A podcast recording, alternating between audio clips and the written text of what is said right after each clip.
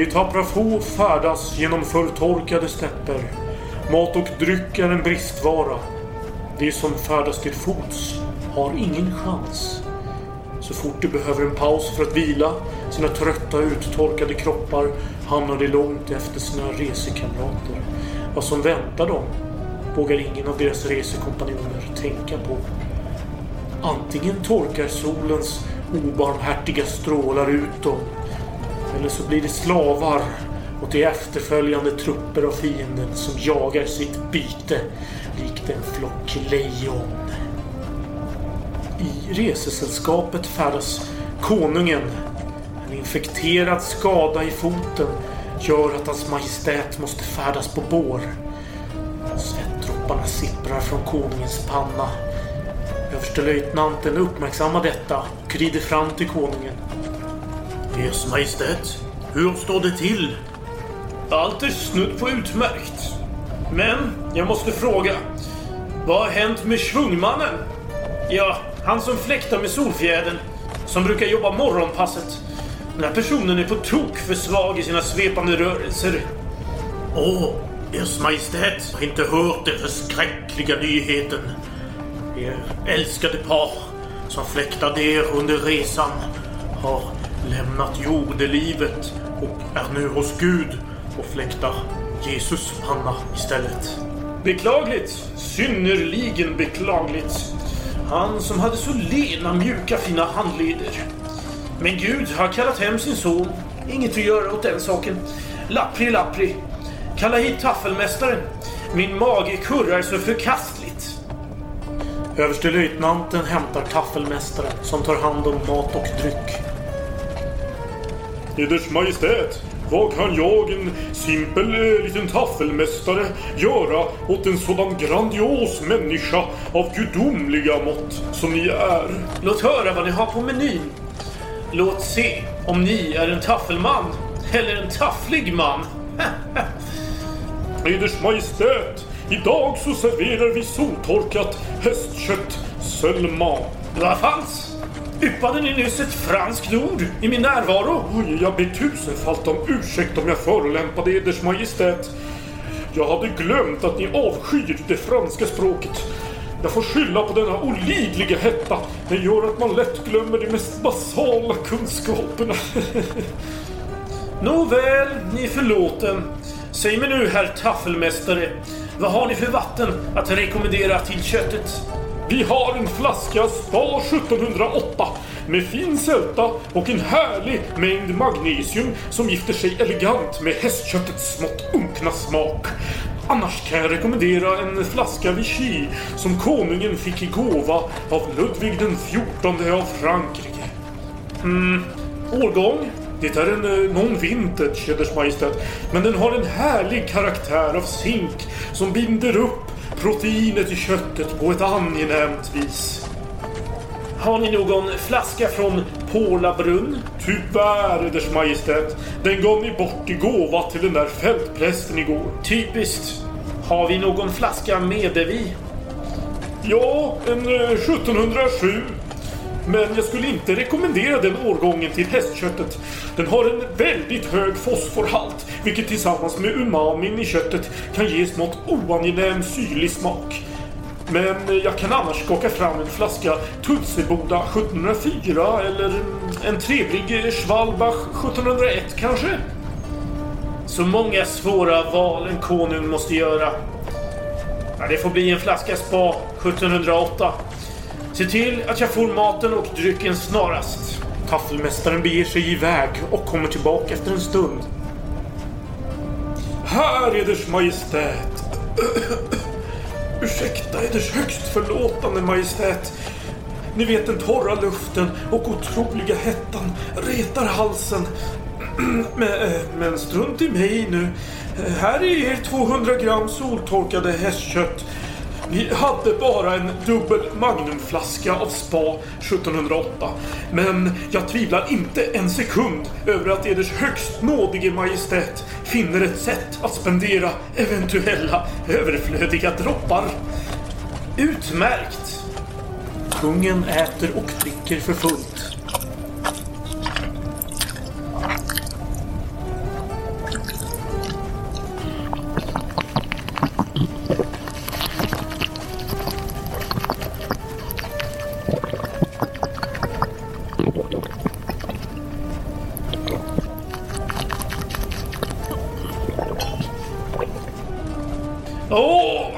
Jag! Orkar inte äta en bit till. Inte ta en droppe till av detta utsökta vattnet. En extraordinär, suverän matchning, herr taffelmästare. Det gläder mig att höra, Eders Majestät.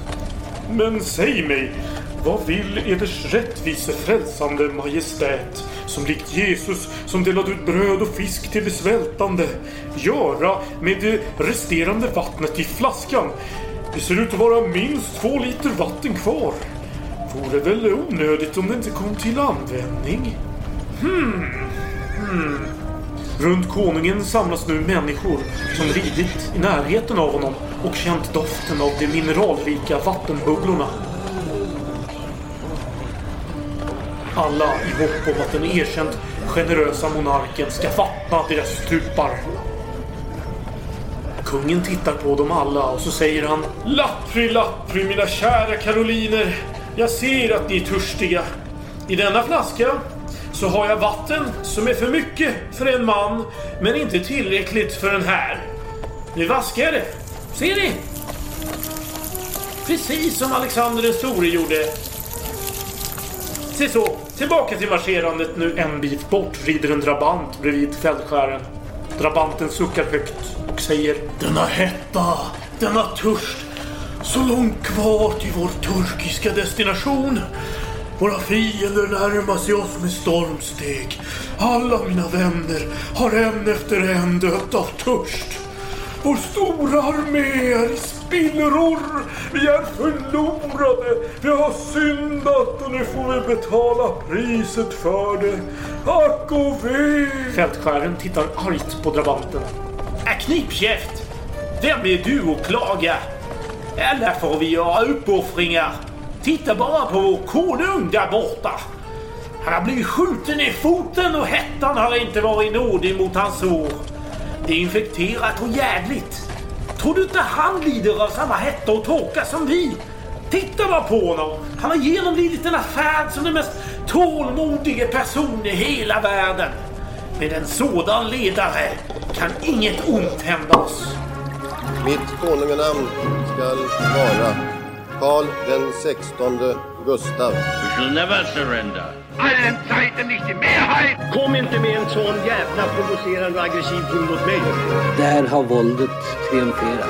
Ask not what your country can do for you. Ask what you can do for your country.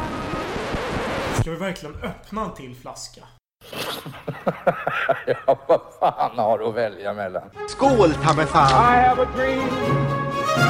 Ah, I see you look at your leader. And I too look to you, Paul Bauma.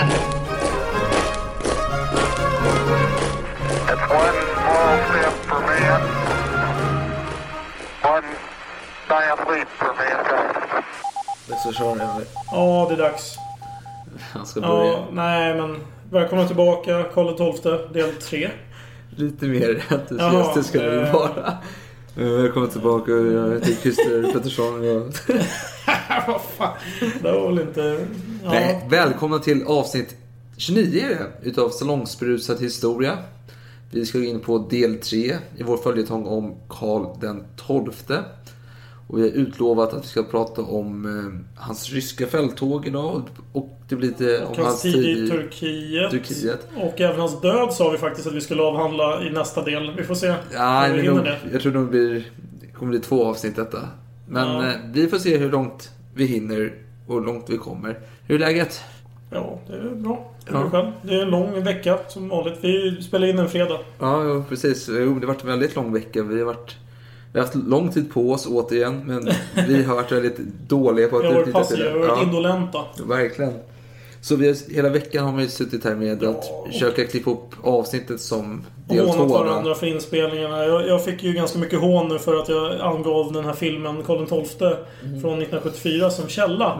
Eh, jag ska säga att jag har ju hittills inte ens använt den som källa. Jag har ett citat därifrån som jag kommer ta eh, nu i den här delen, eller Ja. kanske nästa del. Ja, ja, Så, okej. ja, Ja. jag vill bara klargöra det. Att det inte...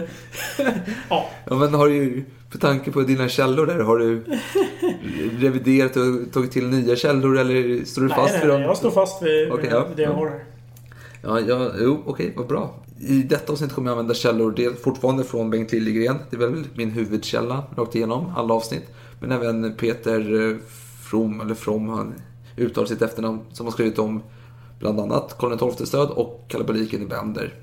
Sen har jag väl lite från Peter Englunds bok Poltava, lite så här, men eh, ja, säger jag, lite blandat. Eller vet du, Voltaire, han, han gick ju direkt till eh, ögonvittnen så att han är nog den bästa källan skulle jag säga. Ja, jo, vi ska prata om det. Ja. Men det är lite kul där faktiskt, för eh, du här i dagarna efter vi spelade in förra gången så eh, uppmanade du mig att eh, katalogisera min eh, vinsamling. Vinsamling. Och det gjorde jag. Och då hittade jag ett vin som är döende. Den ska... eh, den skulle...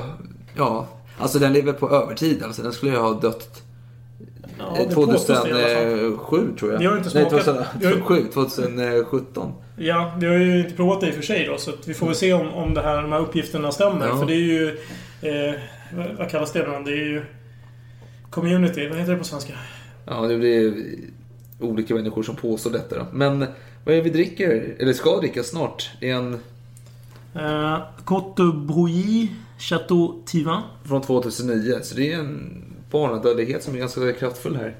Bara snart 10 år snackar. Ja, just men, det. men, men vad, det känns lite udda att prata om nästa vin, för nu dricker vi nu redan någonting här. Ska vi ja, presentera? ja, vi dricker en champagne just nu och vi dricker en Noppe champagne. Eh, lite lämpligt och vi kommer nämna Levenhaupt här i avsnittet lite. Just det. Champagnehuset Bonnet som ligger bakom där Ja. också. Mm. Ja, En trevlig flaska. Ja. Trevligt. Ja, bättre än förväntat om vi säger så. Nej men, sen vill jag bara säga det här att eh, jag fick en jättetrevlig present utav dig och Höstlövet här. Ett DNA, vad säger man? Kit. Ja, just det. En Swab kit. ja, det kan... Du är misstänkt för mord alltså? Det, det, ja, precis. Nej men det handlar ju om eh, ursprung, vad säger man? Släktforskning. Mm. Ja. Så nu ska jag hem och svabba mig efter vi har spelat in här och hoppas att jag blir fransk. Det är min dröm att vara en stor andel fransk. Underbart att höra. Ja, men alltså. Fran Frankrike är den moderna civilisationens eh, vagga. Alltså det är Kan jag hålla med om. Kan hålla med om. fram till 89 då. Men 1700, 1989. Nej, 1789. Okej. Där gick det allting åt helvete. Men fram tills dess var man ju fantastiskt. Så jag hoppas att jag har gamla franska anor i blodet här som Jag tror resultatet kommer snarare säga att du kanske är neandertalare av eh, jägartyp eller ja. kanske, i och för kanske, kanske då- en fransk eller- jägartyp då eller? Jag tror... kan vara så. Jag tror inte att det är så granulärt att den säger exakt land. Kanske. Nej, inte. Nej, det är nog mer västeuropé, centraleuropé. Jaha, men jag, jag, jag vill vara fransk. Ja, ja, vi får se. Du vill vara fransk? Du får du önska riktigt ordentligt där så kanske jultomten kommer med en, Ja, en ja. dom. Jag får ju muta kanske. Ja, men nu känner jag att vi svamlar ganska mycket. Nu måste vi köra. Vi har en lek. Mm, och det är... Och det, det här, nu, nu kan ju du vinna. Ja, jag kan Hela vinna. skiten. Och det värsta är att om jag inte vinner nu så har du chans att vinna. Ja. Och det värsta med det är att du började så du har ju... Det är Ja, psykologiskt övertag på mig nu här. För nu har jag pressen här. Jag har ju matchboll och jag kan sumpa. Nu, nu är det Foppa eller så är det Floppa. Ja, jo, precis. Ja, jag... Eh, ja, Vänta, okej. vad är det för lek förresten?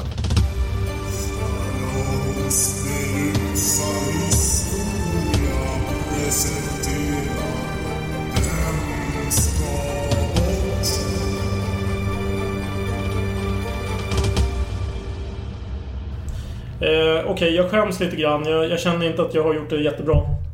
Eh, kanske inte riktigt lika dålig som din senast. Nej, den var ganska... Ja. Eh, Okej, är du redo? Jag är redo. Okej, första namn. Sten Broman. Stofil av hög rang. Underbar. Språk. Vet du, han var ju kompositör. Han skrev ju Ja. musik till vuxenfilmer bland annat. Ja, Ja. ja, ja, jag är inte- kontrapunkt bland annat. Ja, Ja, precis. Sen är frågan hur bra kompositör. Det, det debatteras väl inte. Ja, nej men han var ju... Men han, han, han kombinerade musik. Jo, men han var en intressant figur. Han ja. Nu ska vi inte gå in för mycket på det. Nej. Ja, sen har vi Karl den elfte. Ja, en kung. Ja, och sen har vi Hjalmar Mer. Jävla, åh. Favorit. Kanske. Jag hatar mer. Ja. Oh, det var starka ord, men jag avskyr hans dåd. Säger jag med. Mm. Och till sist då, blodceremonier. Blodceremonier? Nej, blot. Blot, jaha. Jaha, det skulle, det skulle vara lätt alltså. Nej, det tycker inte jag att det är. Alltså, det, fan, jag har ingen aning. Ja, fast Jo. du kan, kanske använder psykologiska knep här för Jo, men jag försöker Mm. använda min utsugningsförmåga. Sten Broman är en stofil. Mm. En stofil står högt i kurs för dig. Han är kvar. Eh, Eh, Psykologisk, psykologisk Ja. domare. Mm. Hjalmar Mer, du vet att jag blir triggad utav Hjalmar Mer. Så det är, finns säkert en rimlig koppling till Hjalmar Mer. Eh, Karl XI och blodceremonier. Vem ska bort? Alltså det är ingen koppling mellan de båda. Eh, Kopplingen är svår. så då tänker jag att vi pratar om Karl XII. Det finns en rimlig chans att det skulle vara. Men att det ska vara Karl XI som är kvar. Men jag säger att Karl XII, nej, Karl XI ska bort. Fel. Fan! Ja, Jag kan säga vem som ska bort så får du fundera Ja, på eh, alternativ. Hjalmar Mer ska bort. Hjalmar Mer. Nej, jag ger upp. Det förstår jag. Jag kan säga det alternativ som jag inte har eh, sagt. Ja. Andy Grove, grundaren till Intel, var också någonting som skulle kunna vara kvar här. Som, som en koppling. Va? Som sagt, det här är otroligt långsökt. Ja. Om vi säger så här. eh, Sten Broman, Ja, han var ju en känd son. Kom från en viss ja. plats. Eh, Karl XI är känd för ett visst slag eh, vid en viss plats. Eh, blodceremonier utförs i lundar. ja. Så du har Sten Broman, känd Lundason. ja. Karl XI, slaget vid Lund. Ja, jo, jo. And the Grove. Grove betyder Lund på Alltså jag tog inte det för jag det var så otroligt jävla långsökt. Ja, Lund alltså. Ja, jag skäms. Det- Jag skäms. Nej, det skulle du inte göra. Alltså. Och Hjalmar Mer, då tänkte jag så här. Jo, men han var ju en... en jag tänker på... Vad fan heter det där? Kungsträdgården, den här äh, Almstriden. Att han Ja. var ju emot lite så här trä... Alltså, var, det var någonting som du hade en alltid- tanke på det också. Oj, det var Ja, fast det var inte bra. Nej, men det hade För det hade lika gärna kunnat vara en koppling till Lund. Just Ja, att det var, jo. fast det var inte riktigt det. Men det var dåligt. Det var dåligt. Ja. Jag ber om ursäkt. Nej, nej. Men jag, alltså, jag, när du skulle berätta hur kopplingen låg ihop, du sa att Sten Broman var en son av en... Du trodde att det var något helt annat jag var ute efter. Jag kom på helt sidospår Ja, det när var pratade om twist. du pratade om Karl XI. Jag bara, va? Tänkte, vad fan är det du säger? Ska kasta vinet i Det ansiktet. var Hedvig Eleonora än. Ja, nej, jag skäms Nej, lite grann. ja. Det var svårt faktiskt. Jag Ja. visste inte riktigt. Men... Nej men nu har du chans att vinna då. Fast jag, tycker- det är lite orättvist att du kan vinna på Ja, en. men gör en svår. Ja, vi kanske ska... Ska vi dröja ett avsnitt med... Nej. Så du får en chans att... Nej men alltså jag kan ta den direkt här så... Nej. vi tar ju nästa avsnitt. Ja. Eh, men, eh, nej men jag har den. Men det är Ah. frågan hur vi ska lösa det om eh, det ska bli så att jag får en chans till. Ja, det, ja men det är kanske är rättvist. Och, så att vi kör lika många omgångar. det tycker jag. Jo, men vi skakar hand på det. Ja, ja. Nej, det var lät Ja, som det- något helt annat. Eh, Okej. Var var vi någonstans? Eh, jo! Ja, fan, lugna dig nu.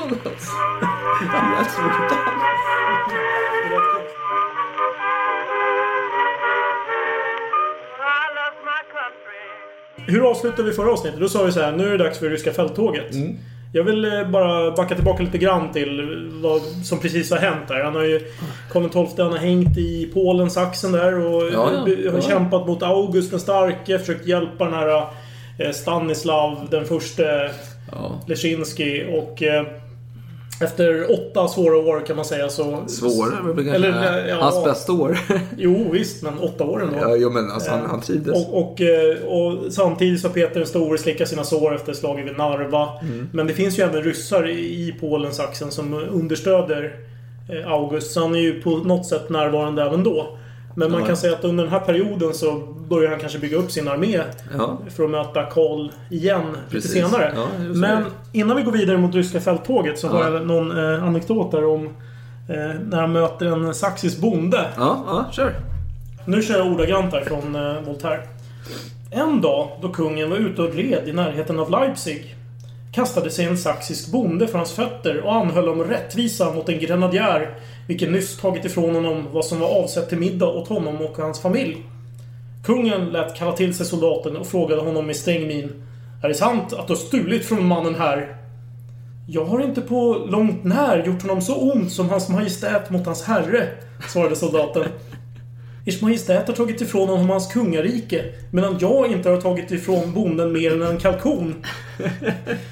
Så kungen gav egenhändigt tio dukater åt bonden och förlät grenadjären på grund av hans dristiga och fyndiga svar i det han sa till honom. Du skall komma ihåg min vän att om jag har tagit ett kungarike från kung August så har jag inte tagit det för min egen räkning. Poäng. Fan vad han är bra alltså. Han är riktigt... Alltså han, är, han skulle kunna ha en sån här citatbok liksom som han ger ut till julhandeln. Liksom så här. Karl den XIIs 100 bästa citat. Alltså, Mm. han- Visdomsord. Han, alltså, han, är, Fantastiskt. han, han är djup.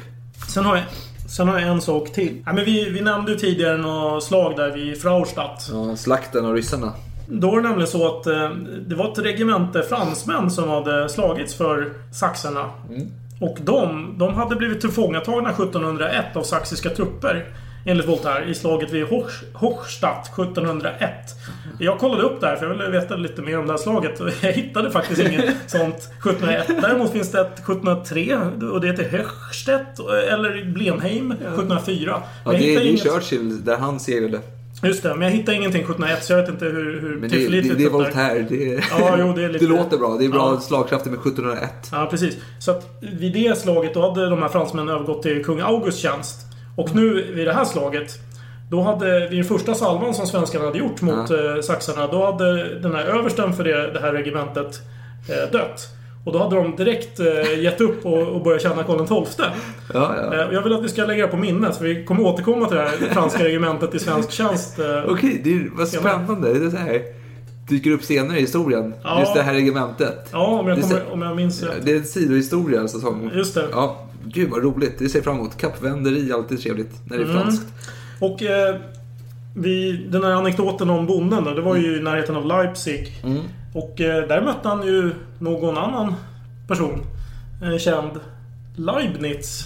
Ja. Den här gamla renässansmannen där som var ja, duktig på allt egentligen. Han var Ja. matematiker, var väl arkitekt och allt möjligt. Och enligt Voltaire så påverkade han möjligen Karl XII. Trots att han bara mötte honom under en kvart. Okej, var... Jag ska citera. Om jag hittar skiten.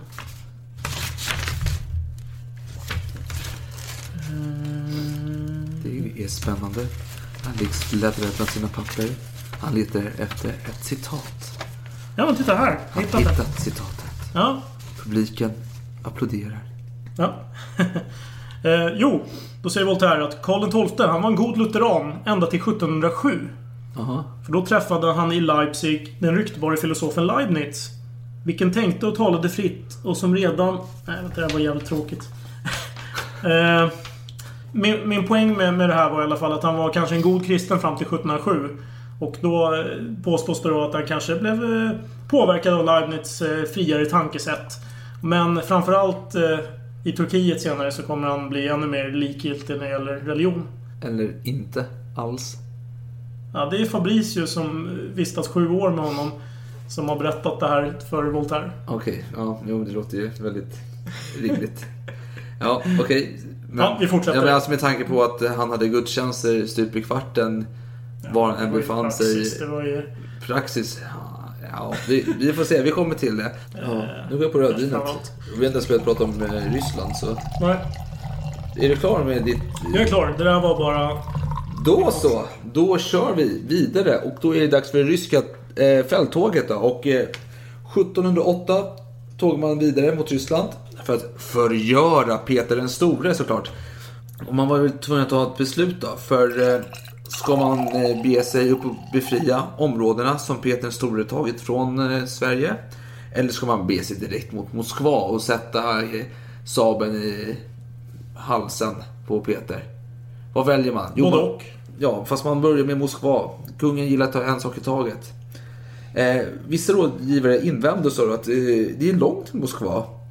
Och att ryssarna utan tvekan skulle förhärja det egna landet. Och vad svarade Karl då? då? Jo, han svarade så här. Om det ej bränna sitt eget land skall jag göra det. Alltså han är ju ganska badass här. Ja. Det var Voltaire-klass på den. Det luktar lite funky.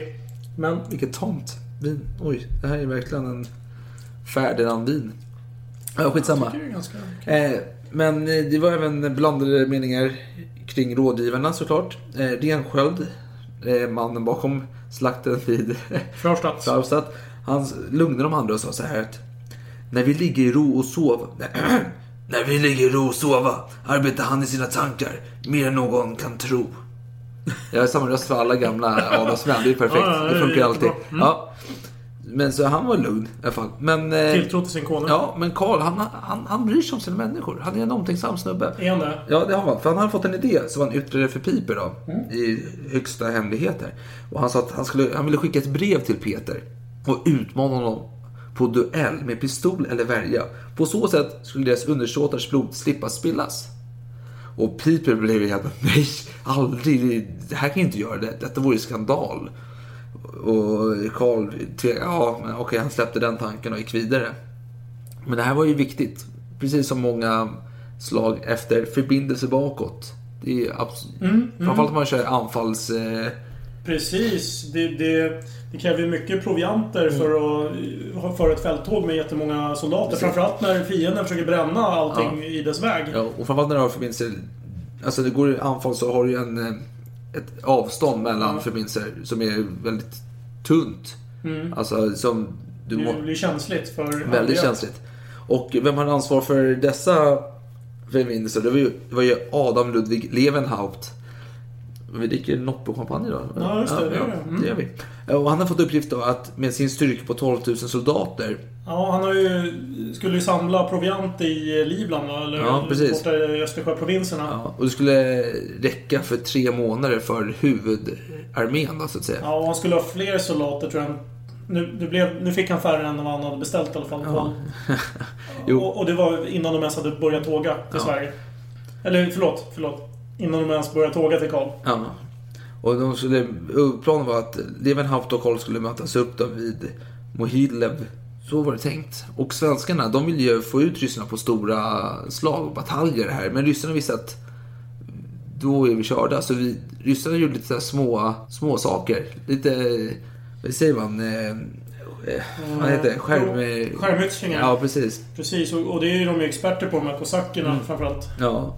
Och det var ju dåligt väder och man brände som du sa. Så det fanns inte mycket mat och förnödenheter. Och var är Levenhaupt? Han är ingenstans! Fan helvete! Karl väntar och väntar och väntar. Men han väntar flera dagar. Men Levenhaupt kommer ju aldrig. Levenhaupt kommer ju aldrig. Folk är ju hungriga här. Inte Karl då, för han, han klarar sig på lite och han äter ganska gott också förvisso. Men Karl, han är trots allt 40 mil ifrån Moskva. Han, han har ju val. Precis som i Narva. Ska jag vänta på förstärkning? Eller, och svälta? Ja. Eller ska jag bege mig vidare? Ska jag berätta lite om, om vad Levenhaupt gör under den här perioden medan Karl väntar?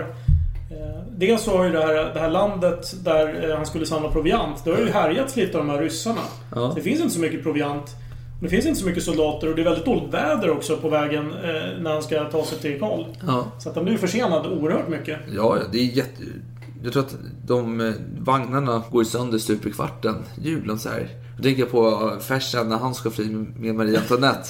när de fick problem med eh, julen på Precis. deras vagnar. Avsnitt. Vad sa du? Avsnitt. Eh, vilket, flykten, det var ju del två. Det är avsnitt 17 utav... Nej, 16 blir det, förlåt. Det är avsnitt 16 utav... Så långstrusad historia. Eh, det är Fersen del två. kan man höra om den stora flykten. Eh, Ja, precis. Jag tappade bort mig. Eh, just det, det var Levenhaupt vi pratade om där. Ja, men i alla fall. Eh, man gick mot Moskva och Karl gick och besökte kartmästaren Gyllenkrok och bad om råd. Så här, vad ska, hur ska vi göra? Hur ska vi gå? Vilka stigar är bäst? Och Gyllenkrok svarade, tyvärr vet jag inte, för jag vet inte din plan. Och då avslöjade kungen att han inte hade någon plan längre.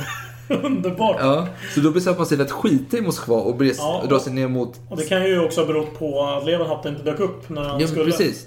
Det, man, Det var Voltaire säger i alla fall. Jo, hade han dykt upp när man ville ha honom Han på avbröt plats? sina plan. det var- planer, påstår Voltaire att han hade. Jo, man hade det, men det var ju, Ja. han gick ju vidare för att Levenhaupt inte Mm. kom upp. Och då, och, och eh, han skulle i vinterläger, Ja. Mm. enligt uh, Voltaire. Alltså Vi ett var- mer gynnsamt vinterläger än det han skulle ha. precis, vi får minnas att ryssarna har ju bränt all skit här Ja. fram till Moskva. Så vägen dit är lång, det finns ingen mat och mer förnödenheter. Vad gör man då? Man måste hitta mat, man måste hitta någon bra plats. Så man beger sig mot Severien. Eller ja, Severien, jag vet inte vad man... Sverige. Severien. Man skickar bud till Levenhaus, man måste skynda sig. Och inte med detta, man skickar iväg Anders Lagerkrans med 3000 man för att hinna till Severien innan ryssarna ska komma dit och bränna all skit och- eller belägra området. När huvudarmén kom ner till staden Starudub hade ryssarna redan tagit den. För vad hade hänt då? Jo, men Lagerkrans hade haft möjligheten att inta staden, men han hade tolkat kungens order ordagrant och intagit en annan stad. Och kungen har varit lite vag kanske i sin beskrivning då. Så när kungen kom sa han så här, Lagerkrans måste vara galen. Och man fick ta läger då, ett mindre gynnsamt område. Och även där hade ryssarna övertaget. Man fick mindre förnödenheter och foder. Mm. Så den svenska armén blir allt mer sårbar längre vi går. Sen är det små, små, små slag hela tiden som Mm. kostar mycket liv och är dåligt för moralen. Ja, men nu fick, i alla fall Levenhaupt kungens order och begav sig söderut. Men ryssarna, vad gör de då? Ja, de slog till mot Levenhaupt och det blev ett hårt slag. Jävligt hårt slag. Ja, han blev ju hårt ansatt där vid Liesjnaja. Mm. Eh, men och när slaget var över, vad gjorde Levenhaupt då? Han gav order att man direkt skulle gå vidare och detta höjde inte moralen bland männen. De var ju dels utslitna efter slaget, dels hungriga, dels... Ja, alltså det var jobbigt. Och det är ändå de som ska komma med proviant. Precis, så de gick ju loss på förnödenheterna och söp sig fulla och gick vilse och så vidare. Vissa dök upp i Polen några år senare liksom traskat. Okej. Ja, men så när Levenhaupt, han hade haft 12 000 soldater med sig i början. Men när han kom Mm. fram till Karl så hade han 7 000 man och inga förnödenheter kvar. Jag tror han skulle ha 16 000 egentligen. Ja. Jag för att han Jo. fick order om, men det blev inte så många. Nej men problemet är ju inte det. Problemet är att man ökar antal i armén här och ingen har mat, proviant. Det blir en större armé att föda och mindre har man att hushålla med. Mm. Ja, så, eftersom ryssarna hade bränt ner allting i Sibirien så begav man sig till Ukraina istället. Och eh, svenskarna försökte inta städer och mötte motstånd från ryssarna. Och ett ställe vad hette Veprik.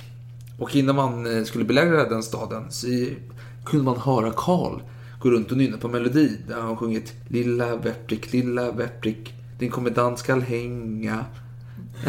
Va? Din... Kommendant skall hänga. Okej. Ja, men det där slaget gick åt helvete tyvärr. Men eh, ja, han var ändå positiv inställd innan. Mhm. Men så var det, vi har ju en liten pojke Piper också, inte bara hans vän Piper utan en pojke Piper som är med och eh, han- har eh, skadat sina fötter. Han har förfrusit. Det är kallt i Ryssland för guds skull, eller ja, Ukraina nu då. Eh, så han låg eh, i ett litet tält där, jävlig och eländig. Då skulle kungen komma förbi. Men Piper tyckte att han var oanständigt klädd för att ta emot kungen. För han låg ju bara i något vitt skynke liksom, mer eller mindre. Eh, så han låtsades sova när kungen kom. Men kungen kom fram dit. Mm, mm, mm. mm. och då kunde han inte spela längre Piper. Så han vände sig om liksom. Bara, ah, tja. Eh, och kungen frågade hur det varit och eh, om han hade fått amputera några tår eller något sånt där. Och Piper svarade ja, jo, några tår och hälen. Och kungen, haha, åh, lappri, lappri. Vilket var hans standardsvar. Och det betyder ju att äh, det var inte så farligt liksom. Det är bara Tänk på trasdockorna. Ja, precis. Det- var hans inställning till saker och ting. Men när han gick därifrån så sa han, då sa jag med Karl att det var lite synd om denna unga pojke Piper då. Men han hade ändå skinit upp inför honom. Det är lite fint. Men sen har vi belägringen av Poltava. Det kanske mest klassiska slag som vi har här med Karl XII. Tyvärr, för det är ett nederlag då. Men det kommer vi till senare. Och eh, jag tänker, det finns väldigt mycket att säga om Poltava. Så vi ska inte göra för mycket om detta, utan det blir lite... Vi gör för lite istället. Vi gör väldigt mycket för lite och kanske återvänder i framtiden. Men vi har lite inför här som jag tänkte att vi tar upp. Mm. Och det vill säga att... Eh, Nu hoppar vi fram ett halvår egentligen. För det, Ja. det är ju sommaren 1709. Ja, första maj. Som den inleds då, belägringen. Och kungen, alltså han är inte den som sitter i ett litet tält och gör planer i, och vägrar utsätta sig för fara. Han är ju längst fram hela tiden. Så han sprang runt i löpgravarna och samspråkade med soldater medan man grävdes i de här grav, äh, löpgravarna. Och ryssarna på de började kasta sten och kattkadaver mot kungen och träffa Oj. honom. Och kungen stod där liksom. Och, ja, men han tyckte det var trevligt. Och ryssarna, de fyllde på med mer och mer folk och stängde in svenskarna från flankerna här. Och eh, på sin 27 födelsedag, då var ju kungen ute och rekogniserade motståndarna. Och se vad som hände. Och det var några ryssar försökte anfalla och han varit med och puttat tillbaka dem med sin värja och allt annat. Där. Men sen så var han och tittade lite, och red runt och tittade att alla soldater gjorde sitt jobb här. Och då var det en liten krypskytt som eh, sköt mot kungen och träffade kungen i foten. Men vad fan, är en liten blykula i foten jämfört med när man kan eh, besiktiga sina arméer. Så kungen fortsatte rida och eh, kolla att alla skötte sitt arbete. Och han eh, red till Levenhaupt och berättade att han blivit träffad i foten. Och Levenhaupt blev helt förskräckt och trodde att det var jätteallvarligt. Och kungen bara, nej, nej, nej, jag ska göra klart detta. Och sen när jag är tillbaka då ska jag skära ut den lilla kulan, det är ingen fara. Tre timmar senare kom han tillbaka till sitt läger. Och då var hans ansikte helt likblekt. Så han svimmade ju, kungen. Och detta var inte alls bra. Man la om kungens sår och han fick feber och blev flyttad till ett kloster i närheten för att eh, kurera sig lite med lite sköna ostar och vin och sånt där som finns. Ja, Jag tror alltid, alltså jag, Grekortodoxa är väl inte så mycket för ost? va? Eller är de det? ja, men alltså jag, min bild är alltså att alla kloster har mycket vin och ost. Ja, fast de är ortodoxa. Jag Ja, vet inte. nej. Jag tror jag är mer skeptisk. Eller jag ska inte säga att jag är mer skeptisk, men jag, nej. Jag, Ja, jag, de är ja. inte livsnjutare på samma sätt. Nej, De är nej. mer asketiska. Ja, tror jag. du kanske har rätt. Jag tror det. Ja, men nu, vad gör det med moralen då bland folket? För mannen som var hård mot skott, kungen var ju odödlig trodde man ju. Mm. Han, Han trodde det själv. Ja, eh, han har blivit skadad nu. Och alltså vi vet ju, han har varit flera gånger han varit nära döden men lyckats undkomma. Men det var ju hans födelsedag. Det är då man kan råka illa ut. Det var en bra lösning på det hela. Mm. Mm. Det börjar närma sig batalj här. Men nackdelen var ju att man inte hade blivit spaning kvällen innan. Så ryssarna under den här kvällen, som inte bedrev spaning, hade ju ryssarna eh, byggt upp nya skansrar.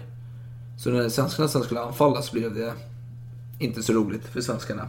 Eh, och för att motivera folk här hade ju en präst kommit på att jämfört svenskarna med Israel, eller judarna rättare sagt, att svenskarna svenskar var som judarna och assyrier var assyrierna, alltså det var ju judarnas motståndare. Om man vänder på det, det blir Assur baklänges blir Ryssar. Ryssar! Idiotsäkert här.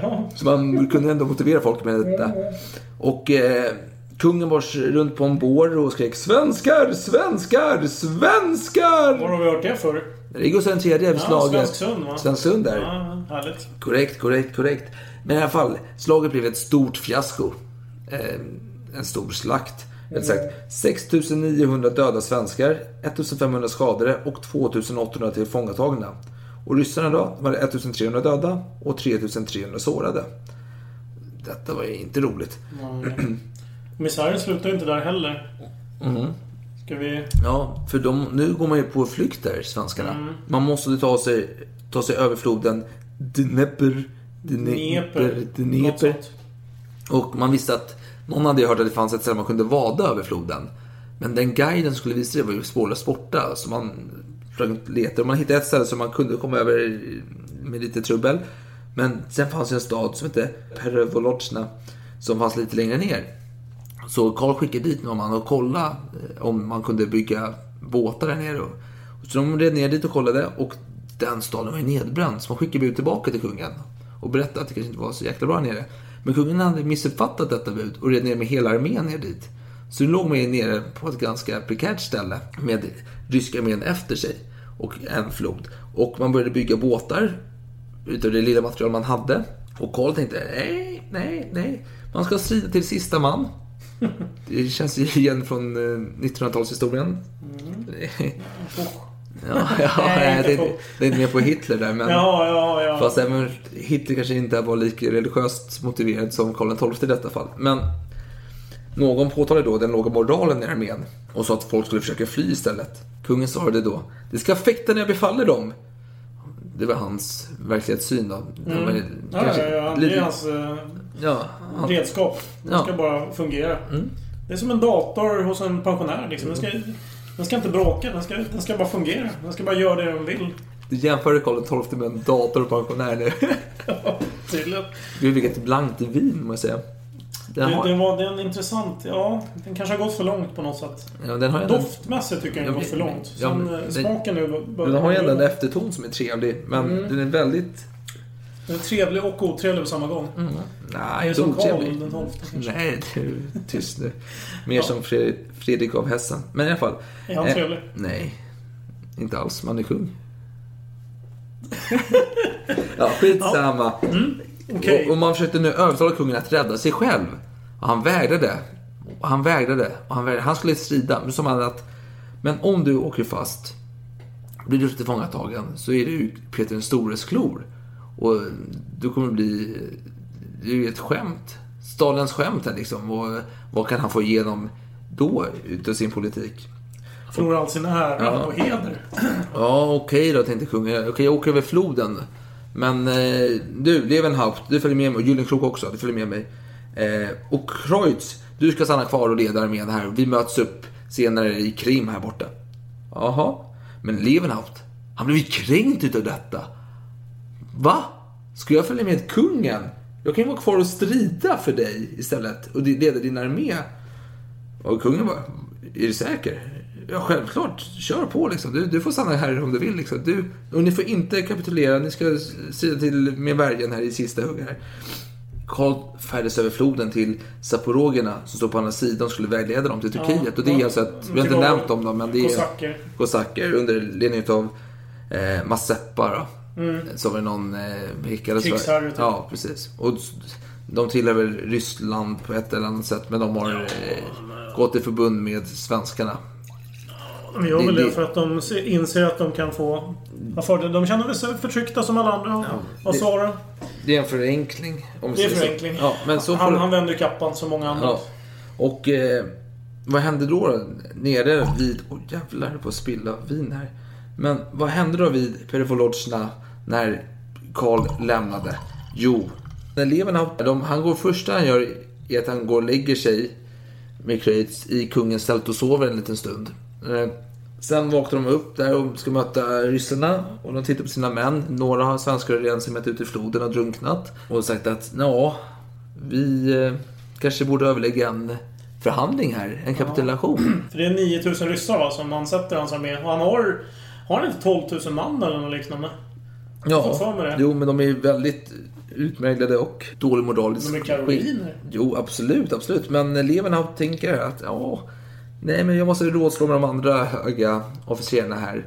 Och man pratar om vad man ska göra. Men Mm, gör en omröstning. Jag kör en Robinson. Ja, det- ungefär. Men dock. Och, och som Robinson, de är ju hungriga, de vill ha mat. Om de ger upp, om de röstas ut, då får de mat och föda. De får ju champagne och de får allt möjligt Ja, gott. det kan man tro. Men så enkelt var det inte riktigt för Kreutz och eh, Levenhaupt hade ju kunskapen om att Karl XII hade sagt åt dem att de inte skulle kapitulera. De skulle använda sin värja in i sista stund här och ta sig ut. Men det berättade inte de för de andra officerarna. Att kungen hade sagt det. Utan de andra Mm. tänkte, ja, okej men det är ju schysst, vi får göra detta. Så man kapitulerade. Mm. Så rådet valde att kapitulera. Precis. Men i alla fall, och eh, det var ju fler som ville ta sig över floden och det blev, man höll på här och eh, slåss om platserna på de här små flottarna eller båtarna som man hade byggt och dra sig över. Och en präst då, Sven, Ang- eh, Sven Agrell, lyckades ta sig över och det var ju folk som var skadade som hamnade på de här båtarna och Alltså att jag nämner Sven då, det är för att han kommer återkomma senare i historien. Eh, Mm. Men i alla fall, det ligger, man drar på skador på båten och säger folk vad fan det här är för tungt, du måste av. Försöker slänga av den här krymplingen liksom på båten. Men han, han är ändå en eh, soldat, han tar upp sin pistol och hotar att skjuta folk som håller på. Ja. Och man kastar ner bönder och annat skit som har tagit sig... Bönder till och med. Ja, alltså det är, man dödar varandra för fullt här. Alltså det finns... Men nu Ja. förstår jag inte. Nu, nu är det alltså... Samtidigt som man diskuterar en kapitulation så är det folk som försöker fly. Ja, Innan alltså, ja, man det, är- det, ja, det är innan detta sker då. Alltså, Mm, men- för det mm. finns ju båtar fortfarande, ett Mm. fåtal. Och man ska försöka få med sig hästar och hela skiten. Alltså det är, Mm. det det är kalabalik här på... Oj, kalabalik innan ordet Ord. ens har kommit till svenska. Ja, precis. Ser man. Mm. Mm. Ja, där ser man. Men eh, det blev inget bra helt enkelt. Nej, det gick åt helvete. Det blev en kapitulation av en eh, överlägsen svensk armé. Eh, kapitulerar inför en underlägsen rysk armé. Alltså Ja. till antalet i alla Ja, fall. precis. förmodligen till andra sätt också. Kompetens eller? Ja, Ja, i ja. alla fall historiskt sett. Ja.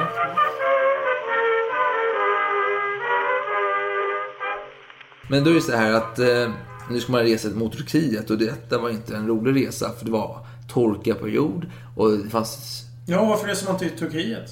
Ja, För att Karl, enligt Voltaire så säger Karl bara Nu går vi mot Turkiet. Ja. Han har bara fått för sig det, att det är en bra idé. Mm. Alltså nu, när man tänker efter nu i efterhand så är det en ganska bra idé för att ungefär samtidigt så är- härjar väl pesten i Stockholm? Det vet han inte om än. Nej, okej. Men Nu, nu, nu snackar jag om eh, eftervärldens domer. Ja, ja. Mild. Eh, men det är, det är en intressant Den är sak... lite hård då. Va? Jo, nej. nej men en intressant detalj är ju ändå att, eh, att kulturen i Turkiet är ju väldigt gästfri, eller vad man ska säga. Den är ju väldigt inställd till eh, gäster, alltså enligt eh, seden som Ja, finns i det ja. landet. Samtidigt som man kanske historiskt inte har varit eh, goda vänner med tsaren. Så det känns ju som en ganska naturlig plats att ta sig Jo, till. för det är så här att de har ju ständigt varit i krig med ryssarna. Nu har de förvisso en fred då, eh, så några år tillbaka, men som du säger, de är inte riktigt vänner. Och Karls tanke han ska ta vägen ner dit och sen återförenas med sin huvudarmé sen i, Kri- i Krim då, området. Där tatarerna och kosackerna och alla hänger. Men i alla fall, och man färdas nu och man har ju ryssarna efter sig. Mm. För ryssarna ska ju jaga ikapp svenskarna här. Ja. Men man har tur för eh, ryssarna följer fotspår ett tag. Och till slut hinner de fatt fotspåren. Men det är fel. De har följt några svenskar som har en liten egen grupp som har gått här på vift och Mm. vilse. Så nu har ju ryssarna förlorat ännu mer tid här.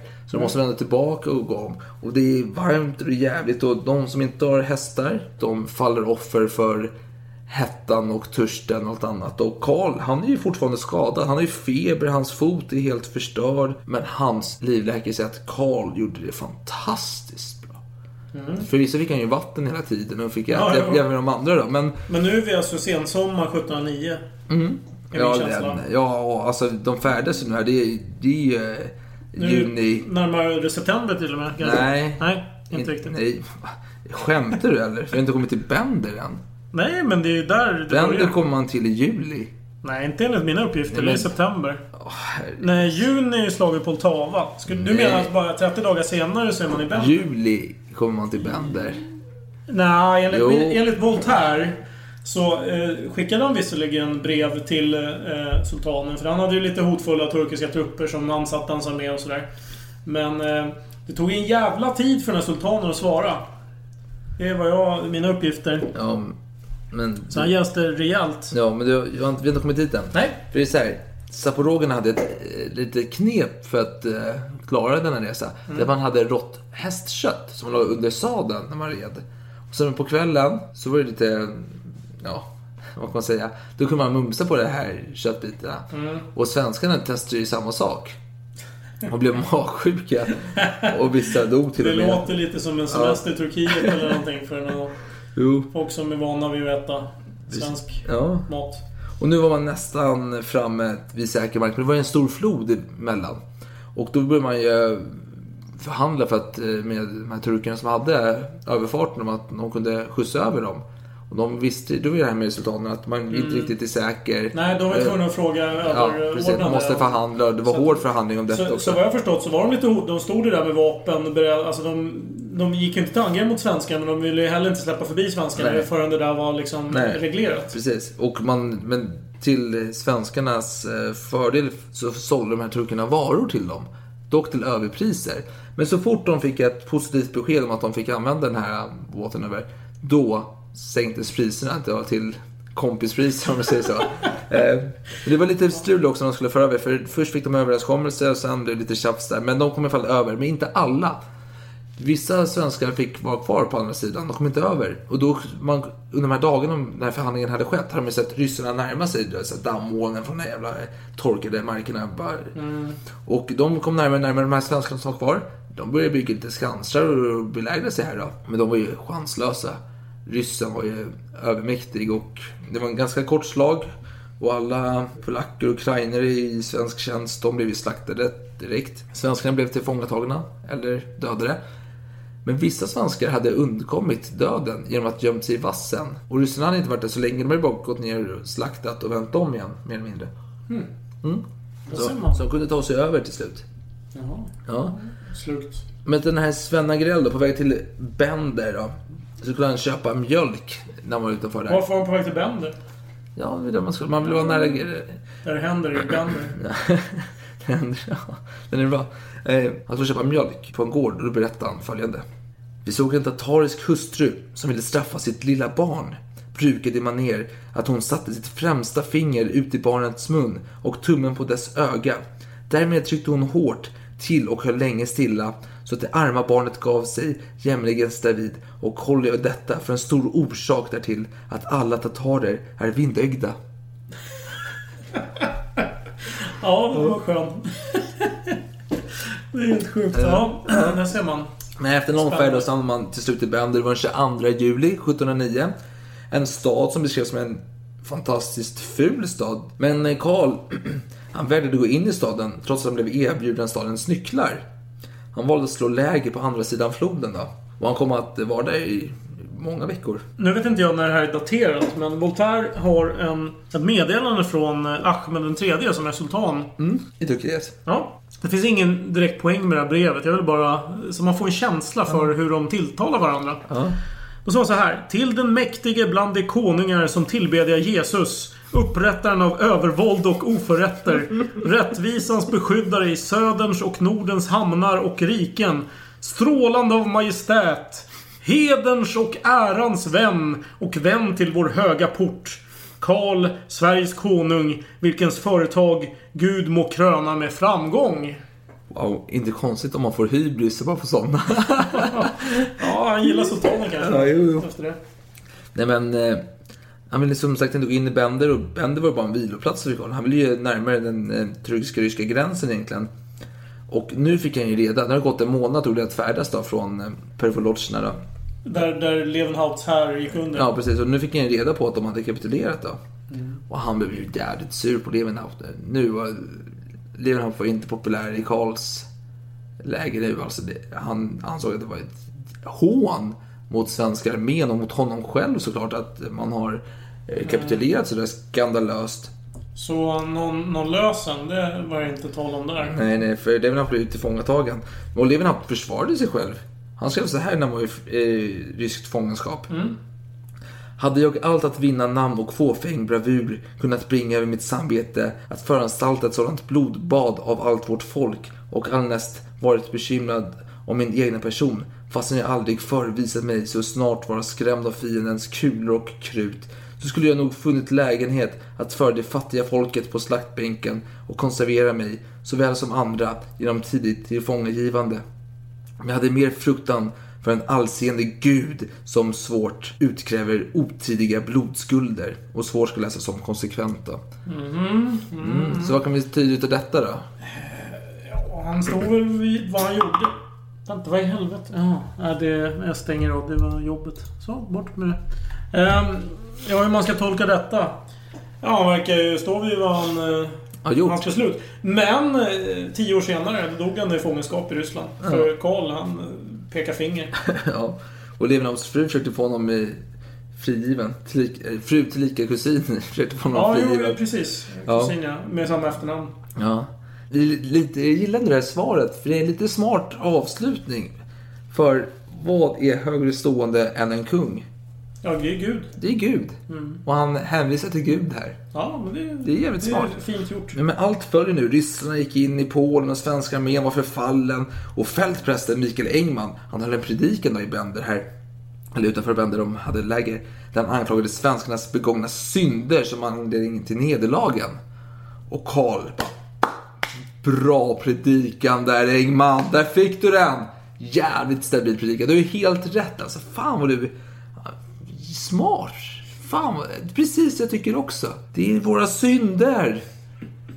Kanske Fraustadt som spökar, vem vet? Eller allt hor som begås. Hor, ja. Till och med. Till, Ja. till och med på de breddgraderna. Alltså. Ja, ja, absolut. Men Karls älsklingssyster Hedvig Sofia hade ju dött i december 1708. Och... Fick han veta det? Nej, Nej. för beskedet hade kommit till fältkansliet precis innan slaget vid, vid Poltava. Mm. Jag vill inte störa kungen inför slaget då. Folk går runt som katter kring het gröt och försöker undvika och... Ja, precis. Det. Och nu Bender så det inte här, åh, ska man berätta detta? Och ingen vågar, för vem ska berätta det för kungen? Vi säger ändå någonting om Karls person oavsett hur, vilken tolkning man gör av honom att... Fan, det tar ju år innan någon vågar säga något.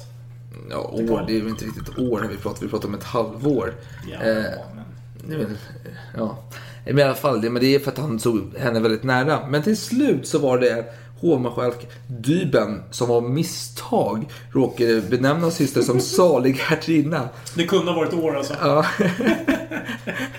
salig, men han sa då att den Ja. kallade den för salig hertiginna i ett samtal med kungen och kungen utbrast jag tänker mig som Jussi Brö- Björling här liksom bara Ack min syster, ack min syster. Och så grät han hejdlöst i flera Ja, dagar. Man här. blev inte förbannad på den Nej, inte alls. Man, alltså, man var ju rädd om hans känslor. Ja, alltså, okej, det- han är en känslig man. Jävligt sådär. Men livet i Bend gick vidare och det rådde alkoholförbud i staden. Men i ytterstäderna, där drack folk sig fulla. Ja, men det är som idag. Där fanns inte bara de kristna eller judar utan även turkarna tog, tog sig dit för att dricka Det är som lite. Dubai. Alltså nu har jag bara fördomar, jag har inte varit där själv. Men eh, där är det väl alkoholförbud, men turister kan liksom gå Dubai? supa sig fulla i vissa områden. Ja. Jag vet inte om det är så. Jag, Mm. jag bara spekulerar. Vad tror du? Jag vet inte, jag bryr mig inte. Vi har pratat om historia, inte nutida. Dubai, det är helt Ja, vad ointressant. fan, nutid är ju historia om tio år. Ja, men... Eller ja, inte tio år, men hundra år. Ja, fast jag tror inte man kommer diskutera svenskarnas alkoholvanor i Dubai om hundra år. Nej, nej, jag har svårt att tro att det... Jättespännande ämne. Ja, nej. Ja, okej. Då Kanske fortsätter med ett avsnitt i framtiden. Ja, fan. Ja, nej men i alla fall. Ur första månaden i Bender skedde ett mord. Mord! Mord i Bender. Mord.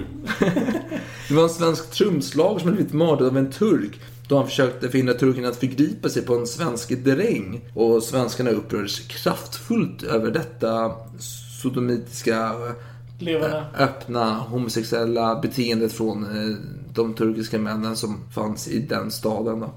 Och mordet gjordes man förbjöd all alkoholförsäljning i staden. Ett tag då framöver, inte för evigt. Då. Det, det är inte Sverige trots allt. Nej, men... ja, det var intressant kritik. Men eh, vadå? Det var, han full eller? Den här eh, ja, turkiska mannen? an, antagligen. Okej. Och eh, Karl han, han försökte göra allt för att få turkarna att förklara krig mot Ryssland och göra en gemensam sak. Mm, mm. Det, ja, precis. Men Turkiet och Ryssland förlängde sin fred 1710. Och nu ville ju turkarna Mm. skicka hem Karl XII. Ja, nej men eh, nu, nu känns det som att vi går väldigt fort fram här. Ja, då. Alltså, nej men han kommer till Turkiet. Ja. Och nu helt plötsligt så blir, så blir han oönskad. Jag menar, han, vad han försöker göra här är ju... Han försöker hetsa turkarna mot ryssarna hela tiden. Jo, man är ju oönskad. Och han, han har ju hånat ryssarna att de är helt värdelösa barbarer tidigare. Men nu försöker han fram, få dem att framstå som jättefarliga för eh, turkarna. Så Ja. turkarna ska känna att ah, vi måste hetsa mot dem. Ja, det rimligt. Och, och han lånar pengar. Ja, men vi har inte kommit dit än. Nej, men... Han le- han, han lever ju inte på sina egna pengar just nu, eller gör han det? Nej, men han... Jo, de har ju lite, de har ju en krigskassa fortfarande. Och Mazeppa då, den här... Eh, Ja, Nasaporogen eller ja, vad precis. Eh, Krimtataren. Ja, hetmanen vad de kallas för. Han, sitter, han har ju två tunnor med eh, guld med sig här. Så de har ju lite pengar ändå att röra sig med. Men turkarna vill bli av med Karl XII nu. Så man, eh, du får 500 man och så eskorteras du iväg härifrån. Och Karl vägrar. Aldrig i livet. Och storvisiren då, han erbjöd... De Som är under sultanen. Ja, precis. För sultanen Det är pratar inte så mycket med Nej, Karl. nej. Storvisiren är- hänger ju i Bender. Det är storvisiren av Bender då. Precis, och det är viktigt att påpeka att Karl har ingen direktkontakt med sultanen. Så han är väldigt beroende av att eh, den nuvarande storvisiren är vänligt inställd. Och det är ju, han försöker söka inflytande där hos Ja. sultanen via Precis, storvisiren. precis. Och det är inte samma storvisir under hela den här perioden. Nej, det Nej. Så det är olika. Ja. Ibland är de negativa, ibland positiva. Precis. Och den här, var ju negativ, så han erbjöd ju då en båttur över Medelhavet. Men Karl vägrade. Och eh, strax därpå blev storvisiren avsatt. Till Karls stora glädje. Mm. Och, Mycket intriger där. Jo, och Karl skickade ut eh, diplomater till eh, huvudstaden, Konstantinopel. Och det var kanske inte de bästa eh, diplomaterna alltid. Men en hamnade ju så onåd att han hade sett en rysk ambassadör eller diplomat i staden. De hade livländska slavar. Och livländer var ju svenskar. Så Mm. den här svenska diplomaten gick dit och tog de här livländerna från ryssen. Och hade dem, så här, nej det är under mitt förvar här. Och ryssen blev ju skitsur. Bara, ge tillbaka mina slavar här. Och då fick ju sultanen då medla. och- Alltså han var ändå på svenskans sida här. Men svensken vägrade ge sig för den här, om det var sultanen, om det var storvisir. Mm. Eh, Så, men skicka dem slavarna till mig så får jag döma här liksom vad som händer. Mm. Men han vägrade. Så blev sultanen sur på den här svenska diplomaten. Så han beslagtog ju alla eh, slavar. Och så en ville tillbaka till ryssens tjänst. De andra blev turkiska medborgare. Mm. För slaveri var ju... Det var ju många från slaget vid Buldaha. De blev ju slavar. Mm. Slutade de som. Absolut. Men i alla fall, till slut blev det krig. Turkiet mot Ryssland. Peter den store har fått lite eh, storhetsvansinne här. Han var ju offensiv här och eh, hamnade i ett trångt, prekärt läge. Han låg under och han var instängd och han trodde slutet var nära. Han blev lite darrig här på läppen. Och man började förhandla med turkerna. Han, han hade en väldigt bra Och, och man ska, nu snackar vi alltså nu nu var det 10 mot 1 eller 20 mot 1 eller något sånt där. Ja, alltså, i, Turkerna hade 100 000 soldater. Ja. Eh, och, och, och vad hade han? 20 eller något sånt? ja, och ryssarna var helt instängda. Just det. Så Och- de såg, det var helt kört. Men Karl var ju jättelångt bort. Han var ju bänder. Mm. Och han fick ju besked om att det började förhandlas här. Så han satte sig på häst och red i full fart. Spårsträck här. Det var 10 dygnet runt. Ja. Och, Han var ju riktigt jävla taggad här ja, jo. För han ville nu jävlar... Nu, nu ska jag sätta dit Ja. den här jäveln. Så när han kom fram så var freden klar. Ja. För den här storvisiren då hade... Ja, han hade gått med på tsarens förslag här. På, och det var ganska milda Ja, det var ju i princip Villkor. att ryssarna skulle få oförhindrat vandra tillbaka. Ja, och lova att inte lägga sig i krig. Nej. De får absolut inte vara i Polen. De ska låta Karl få resa fritt. Precis, precis. Men det var ju bara skitsnack alltihop. Ja, och när Karl kom dit så var han eh, förbannad och, och eh, han eh, gick in i storvisirens tält. Och då var inte storvisiren där då. Så Karl satte sig i soffan där som var avsedd för sultanen ifall sultanen skulle komma på besök och satt där och väntade. Till slut kom storvisiren och lite andra folk in och Karl krävde att få prata med honom enskilt med sin tolk då, Jean Baptiste. Vilken Jean Baptiste var det nu då? Savel, jag vet inte vad han heter efternamn. Ja. Savilji, Savilji. Okej, det var inte den andra killen som jag hade koll på där. Så, nej, Nej, okej. Och han, eh, och han anklagade storvisiren för att ha svikit Sverige och storvisiren sa att svenskarna hade svikit Turkiet och de hade lovat 30 000 soldater från Pommern. Det, det, det har vi inte nämnt. För Karl skickar ju brev hem till Sverige hela tiden. Skicka folk, attackera ryssarna. Kom igen nu, mer people. Kom igen nu. Ja, och och Tick, hemma, tack, tick, hemma i tack. Sverige så dör man av pest och gråter. Nej, vad fan är det? jo, men det är sant. Lite kul för Fabian Wrede sitter ju hemma i Sverige här och håller på. Mm. Och han är ju riktigt hård man som jobbar dygnet runt här. Mm. Men han, han vägrade ge med sig här då. Han, han blev avsatt sen senare. Men i alla fall. Och eh, för storvisaren sa, men Peter har lovat detta. Det är jättebra. Mm. Och Karl bara, "Men man kan inte lita på honom. Skärp er nu och ge mig 3000 soldater eller något sånt där. Så kan jag rida efter honom och krossa honom. Mm.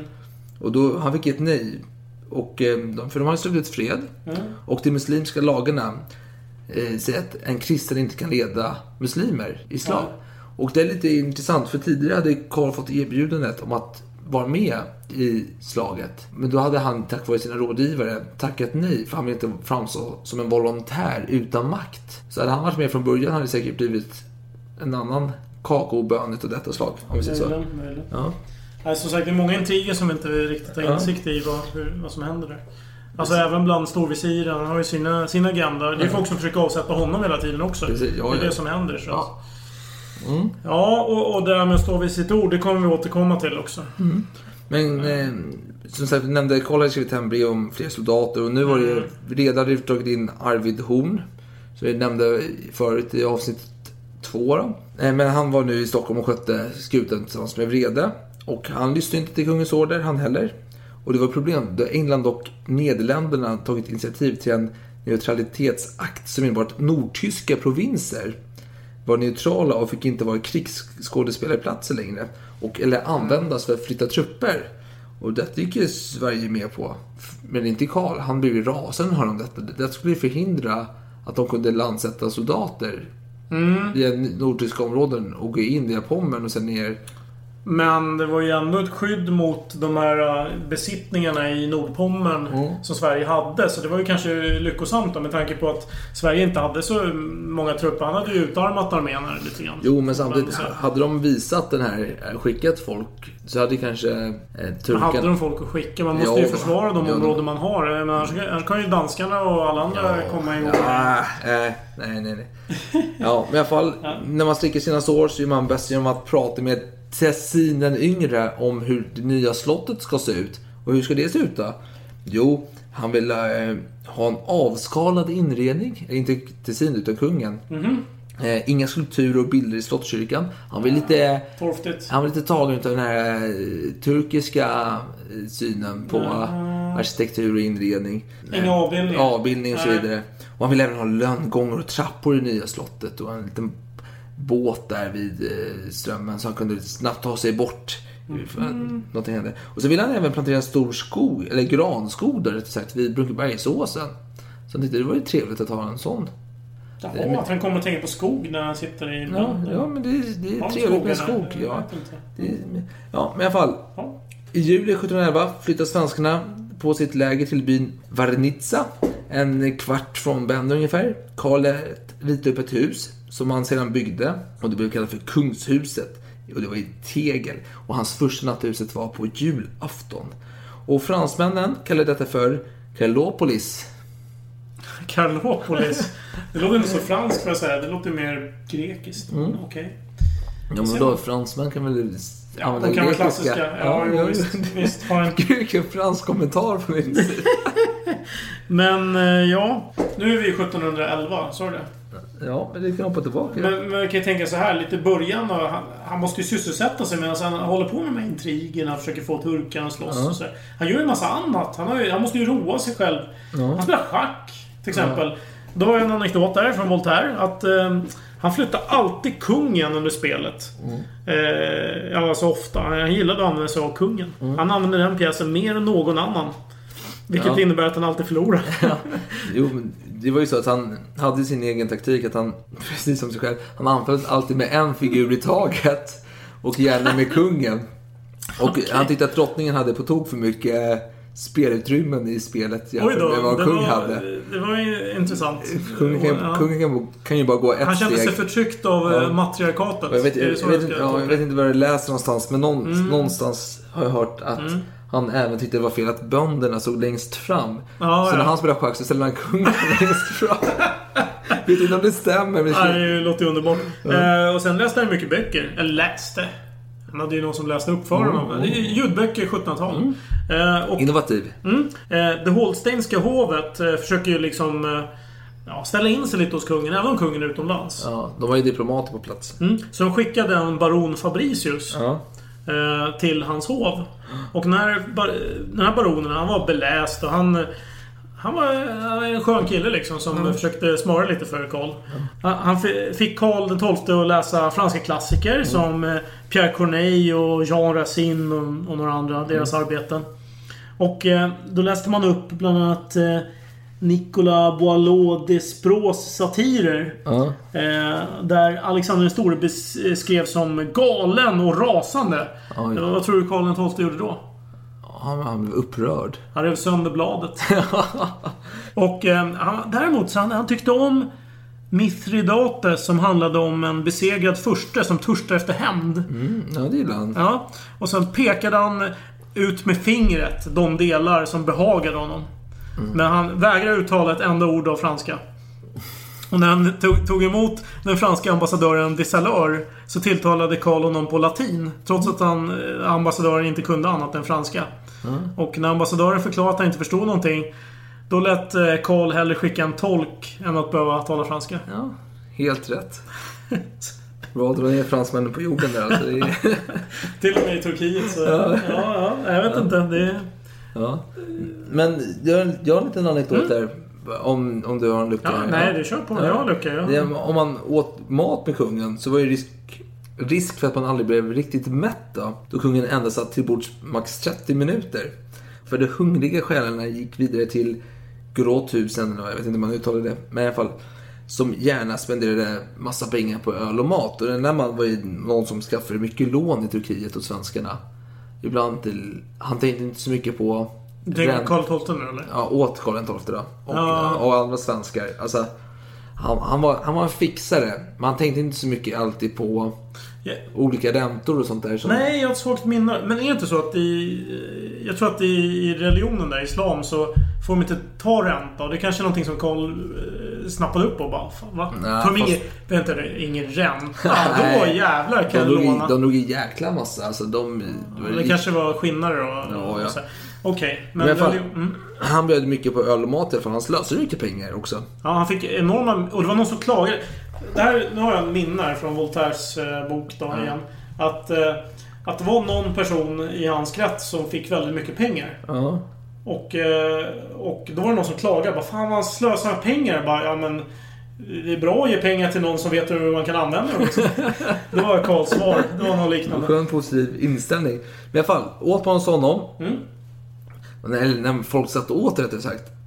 Så gick alltid kungen förbi utanför tittade in genom fönsterrutorna. Och man skulle då ignorera honom. För man visade att man hade sett honom. Då försvann kungen från platsen. Och eh, kungen då. Eh, Varför vill man att han ska hänga kvar? Nej, men alltså för, man, för han var ju såhär att... Jag tänker att det finns mycket likheter mellan kungen och Michael Jackson. Jag vet inte varför jag får den känslan. Men det här barnsliga sinnet ibland av att... jag sitter och spionerar. De ser mig och så jag fly därifrån. Det fanns i alla fall en fransk reseskildrare som hette Della Motrey. Och han skrev så här om... eh, Han beskriver just detta. Denna andra måltid för de som hade ätit med honom roade honom mycket. Och han skämtade stundom sedan med sina herrar över deras frosseri. Men om jag förstår det rätt. Mm. Nu försöker jag summera. XII äter så jävla fort. Och när han äter klart, då har alla ätit klart. Ja, Och folk är är skithungriga, så de går till det där ölhaket eller vad fan det är. Och äter en massa, Karl XII springer runt, runt den här byggnaden, tittar Ja. in genom fönstret. Ingen får möta honom med blicken. Är, är För då, det för då korrekt- försvinner han. Är det korrekt uppfattat? Ja, för han vill inte bli påkommen då. Ja, okej. Ja, men kungen gjorde mer. Jag har nämnt detta tror jag två gånger tidigare i podden. Men så det blir tredje gången gillt där. Man skickar iväg folk på upptäcktsfärder i Orienten och Egypten och vidare. Och han ville att de skulle rita ner saker de hittade, såg och skriva ner saker, reseskildringar och sådär. Och en av de drabbade var då Mikael Eneman. Och när han kom tillbaka till Bender från sin upptäcktsfärd, fick han inför kungen en timme varje dag i två månader berätta om sina upplevelser. och kungen fick även då två små krokodiler utav Eneman, som han hade förskaffat sig i Egypten. Och de två krokodilerna blev ju, ja, alltså de förvarades i varsin flaska. Och kungen plågade dessa stackars djur då han utförde experiment på dem. Han lade dem på hö, eh, eh, han lade dem på het glöd för att se, citat, hur mycket grönt, svart och blått efter det ut ur sig sprutade. Ah, Det här låter otäckt. Det här Ja. låter som Mengele. Ja, Då är vi 1712. Ja. Eh, och eh, som vi minns från det här eh, slaget där, där ryssarna var inringade så hade de ju lovat att de absolut inte skulle lägga sig i eh, att eh, ha trupper och så i norra... Eh, I Polen, eh, i det där området. De skulle hålla sig borta. Precis. Eh, och då kommer svenskarna och säger nej men de håller sig inte alls borta. De, de har en massa militär runt omkring där. Och turkarna, de har ju någon sedvänja att de skickar inga ambassadörer till Europa, enligt Voltaire. Utan, eh, ja, så att de är helt ovetandes. De, de, deras uppgifter kommer från ambassadörer från utlandet. Ja. Så de, de vet inte om det här. Men då, då insisterar svenskarna och säger nej men vad fan, häng på våra människor så kan vi visa med, så att de får se med egna ögon att, Ja, att de här ljuger. Då, då går sultanen med på det och skickar några turkar Ja. med några svenskar då. Och får se det här att, att eh, tsaren Peter, han har ju brutit mot sina löften. Och eh, Voltaire säger, sammanfattar det hela med Turkiets dåliga statskonst, som av fåfänga alltid har ambassadörer från kristna furstar i Konstantinopel, men ej underhåller en enda representant vid de kristna första hoven, har till följd att de förra ofta utforska och stundom framkalla sultanens hemligaste beslut, medan sultanen alltid befinner sig i djup okunnighet om vad som öppet händer och sker bland de kristna. Så att eh, när sultanen får reda på det här bara, i helvete, har de brutit mot löften? Förklarar de krig igen mot Ryssland? Ja, fast Ryssland försvarar sig med att säga att vänta nu, svensk Karl är fortfarande kvar här. Han skulle ju lämna Turkiet. Det var en del av eh, uppgörelsen här. Men vi är i alla fall i krig. Det blir det. Trevligt, tänker många. Och Karl han skickade ju hela tiden så här propagandafolk, eller vad man ska kalla Ja. dem. Propagandörer, vad, heter det? Diplomater annars. Ja, okej. fine. till till eh, sultanen. Och, och liksom försöker få honom att säga att jo, men den här Peter den store han har för avsikt att göra sig till herre över sjöfarten i Svarta havet. Och att han därefter, efter att ha underkuvat kosackerna, ämnar lägga under sig det krimska tartariet. För han hade inte lämnat områden som han hade lovat. Nej. Nej. Och eh, om man tänker nutiden, Krim. Ja. Vad- Vem äger Krim nu? Ja, jo, men... Redan då, 1700-talet här. Så. Ja. Du, Gillar, du gillar dina nutidskopplingar till moderna Ja, det har alltid, varit strategiskt Ja, viktigt. jo, jo, jo. Ja, som vi tidigare nämnde så de här storvisirerna, de bytte ju skepnad lite då och då. En del var positiva, andra var negativa. Vi har en som heter Numan Koprogli. Ja. Eh, och Voltaire säger att denna nya visir hade en karaktär som illa underrättade kristna har svårt att tänka sig hos en turk. Jaha, okej vad är det då? Det var en omutligt rättskaffens man som samvetsgrant följde lagarna och ofta höll på lag och rätt mot sultanens vilja. Lagen förbjuder dig att anfalla tsaren som ej har gjort dig något men den befaller dig att hjälpa kungen av Sverige som är olycklig i ditt land. Okej. Intressant, intressant. Ja, nej men för jag tänker så här. I Karlopolis. där kom en dag en ung herre vid namn Axel Löven. Och han var utsatt... Löfven alltså. Ja. Stefan Axel Löfven. Axel Löven. Ska vi inte kalla honom Stefan Löfven? Nej. Löven låter mycket mäktigare än Löfven. Alltså, Löven, det är man... ja, Gustav II Adolf. Det är lite så här skön och stormaktstids... Nej. Man tänker Breitenfeldt här liksom. Det är lite Okej, trevlig, trevlig stämning. Men han kom i alla fall på kuriruppdrag från Stockholm. Och eh, Karl han fattade tyck för den unge Axel och pratade väldigt mycket med honom. Och Karl var ju lite som en mussla i vanligtvis. Men nu öppnade han sig och visade sin lilla diamant, eller pärla här i, som han hade i hjärtat. Då. Och, eh, och han sa så här då. Lika lite som ni saknar jag böjelse för vackra kvinnor. Men jag vet att behärska den bättre. Det skulle kosta er allt för mycket att försöka göra detsamma eftersom ni redan fått smak för saken. Så här pratar han om sina kvinnofrågor då, som han Mm, hade. mm, för frågan var mm. varför har han inga kvinnor för? Han måste, ju- Eller Mm. kvinna för. Han måste ju få barn, han måste få arvingar. Det, Ja, detta. och han lovade ju någon gång i ungdomen där Ja. att det skulle bli om Ja. 5-10 år eller vad han sa. Men han dansar så uselt. Det är svårt Ja, alltså. och han ansåg att kärlek skulle störa honom i krig och att han, citat, skulle ha älskat för evigt. Därför kunde han inte riktigt Oj. in i kärlek. Oj, det Så var- han är en romantiker. Han är Michael Bolton här. Wow. Liksom. Ja, verkligen. Alltså, det är, Nej, häftigt. Men eh, Otippat. ja, Karl umgicks sällan med kvinnor, men gärna med sina officerare. Och de snackar gärna om sina lustfyllda äventyr i erotikens tecken då. Det vill säga horhus. Ja, en dag snackar man om hur många samlag man orkade med på en natt. Och en person i sällskapet svarade då snabbt fem stycken. Och kungen replikerade då ännu snabbare. Hahaha, lappri! 15 gånger klarar man. Och då var det en annan i sällskapet var en komiker för han svarade då direkt. Ers Majestät, detta är kungligt och överstiger förmågan hos oss andra. Alright, ja han ska vara bäst helt enkelt. Fast ja. Mm. Ja. Och Har du några kommentarer? Nej, det är roligt ändå att han dras med det här grabbiga snacket. Ja. Alltså bastusnacket liksom, när man sitter och dricker och så här. Jag, jag ser framför mig så här på landet, någon så här i Roslagen, Stockholm, åker ut på midsommar och sitter i farsans nya bastu han har byggt där på någon, så här, i, utanför Norrtälje och dricker fem tvåor eller sån där jävla sju tvåor de heter. Och Nej, sitter, Arboga. ja, sitter i bastun och bara drar lite så här grabbiga Så vi koll var en i gänget Ja. och bara Ja men fan 40! Det klarar man av. Och de andra tittar på honom bara va? Va? Och han bara skrattar och bara, ja, han är kung. Kom igen nu. Lugna er nu för fan. Vi bjuder på det. Han försöker bibehålla stämningen. Jag Ja. tror den där killen där, den där adelsmannen då. Han ville bara... Han vill inte sänka stämningen nu när. Carlo kommer med några helt sjuka påståenden. Ja, enligt vissa. Han, han var bibehåll... Han var, äh, det var, det var så här smooth. Ja, Jag vet inte hur jag ska summera det hela. han, var- han var... Det var snyggt avrundat. Bra jobbat. Mm. Men nu är det så här, danskarna, de här jäklarna, de har ju sett sin chans nu efter nederlaget i Poltava för svenskarna. Alltså svenskarna är eh, decimerade, de är svaga, de är... pesthärjade. Pesthärjade. Kungen är på vift. Detta är för jävligt. Och gör man som dansk?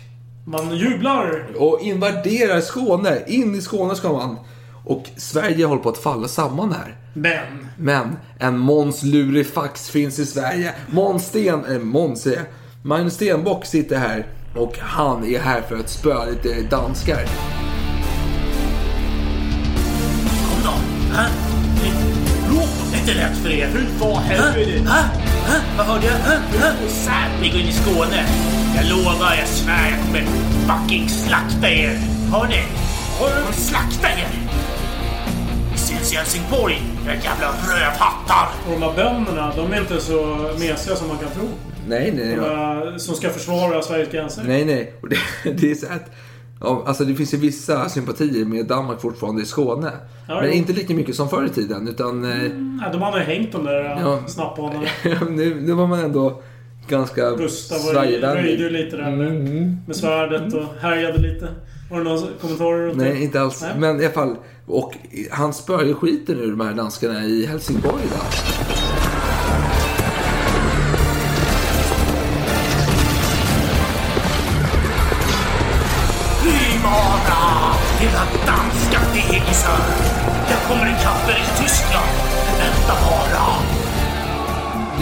Eh, trevlig seger för Sverige. Och Det var inga militärade trupper som mötte danskarna där. Nej, nej, nej. Det var ju nederlagstippat. Ja, verkligen. De var i underläge också, mantal.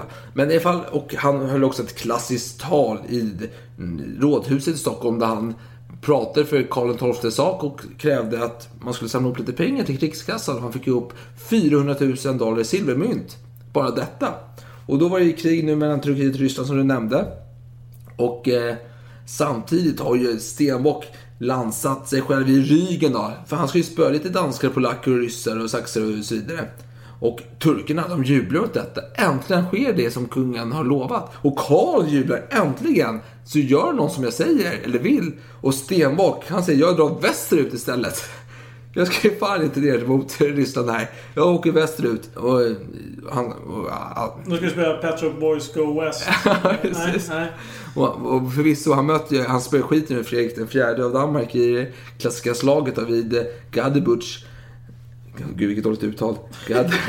Gadebusch. Ja, jag vet inte hur det uttalas. Jag vet inte ens vad du försöker säga. Gadebusch. Gadbuch. Gadebusch. Ja, Ja. men Sverige var i alla fall underläge. 14 000 soldater mot dansk-saxiska soldaterna som var 19 000. Och svenskarna anföll och orkestern spelade för fullt. Och danskarna besköt svenskarna. Och Stenbock svarade så här då, eller han skrek då till sina trumpeter här och trumslagare i truppen. Stoppa pipan i säcken och trumman på ryggen. Det hava begynt spela. Vi vill dansa! Oj, härligt. Det är jävligt, alltså vilken, vilken alltså det är Ja, vad karolinskt av Ja, och man vann, och man vann, och man vann. Och alltså, alla är glada nu. Men sen... Utan någon dödar Ja, jo, ja förvisso, men de får ju stå sitt kast då. Sen började förhandla om en separatfred med August II, eller August den starke av Polen då.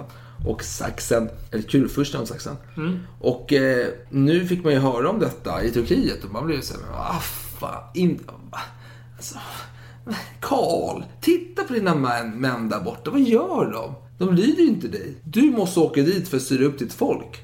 Och Karl bara, ja jo men jag vill inte åka själv. De bara, nej men du får 10 000 man som kan följa med dig. Oh. Eskort. Och han bara, nej jag vill ha 50 000.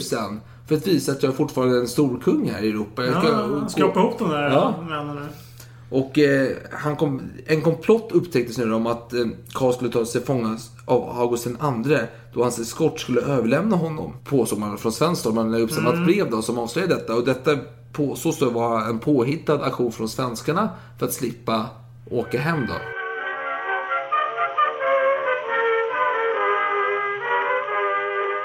Ja, Men nu, bör, nu börjar vi närma oss kulmen här. Ja, Eller hur? fast, jo precis. För nu skulle man ju mota ut Karl ur Turkiet. Nu börjar alla tröttna. Ja. För Karl, han lånar jättemycket pengar hela tiden. Och han är ju slösaktig, åtminstone när det gäller Voltaire. Han bara sprider pengar, bara kastar pengar runt omkring sig. För han ser, han ser det som en oändlig källa av... Jo, eh, men det... och, eh, Jag vet inte, lånade han pengar eller fick han pengar? Han lånar pengar. Han lånar och det är så här, Mm. det har vi inte nämnt, men jag kom på det nu när du sa detta, att eh, kungshuset som han hade låtit bygga upp då i tegel. Mm. Det var ju, Karl gillade ju inte, alltså när Karl var i fält, han såg ju väldigt, vad kan man säga? Påvert, eh, Ja. aste- asketiskt. Ja, men nu här har man tagit in massa fina tyger och mattor och tapeter och det var ju bara för att man skulle hålla en fasad uppe om att man var någonting stort. En annan teori är att han vill att sultanen investerar i honom. För att ju mer han investerar desto mer eh, har ju sultanen att vinna på att det går bra för Karl så han kan betala tillbaka. Ja, Alltså, det är bara en Ja, teori. absolut, men eh, det Han roliga är ingen förlorare helt enkelt. Det roliga är att det- detta gällde ju mottagningsrummet, då, audiensrummet. Mm. Hans sovrum var en sån tältsäng mer eller mindre. Och, så och där tog han emot besökare också. Fick de sitta i hans lilla skitiga säng och han satt på en stol bredvid. Men i alla fall, nu vill man bli av med Karl en gång för alla. Och Karl vägrade.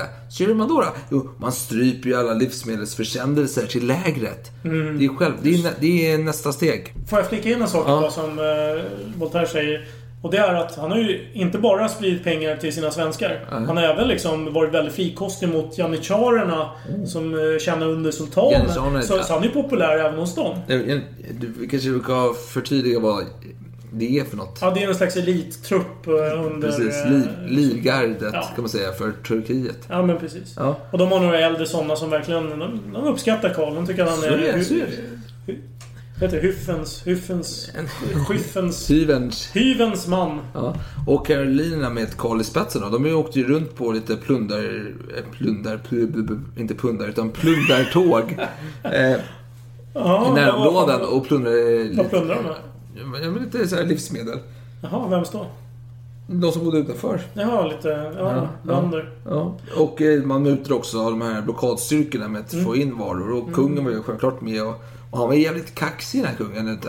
Trots den här blockad kunde han rida runt där liksom. Förbi alla de här eh, turkerna och osmanerna liksom och bara... Mm. Ja, lite såhär, nej, nej, nej, nej, nej. Rida runt där liksom och Ja. visa makt. Och... Eh, Jag fick den uppfattningen i alla fall att han, den här storvisiren hade ju fått order uppifrån att nu, nu, nu kör du ut den här Karl. Ja. Eh, Om man inte går självmant, då Ja. får du ta ut honom med kraft. ja, med våld. Med våld, precis. Men jag får inte skada honom. Nej, och då...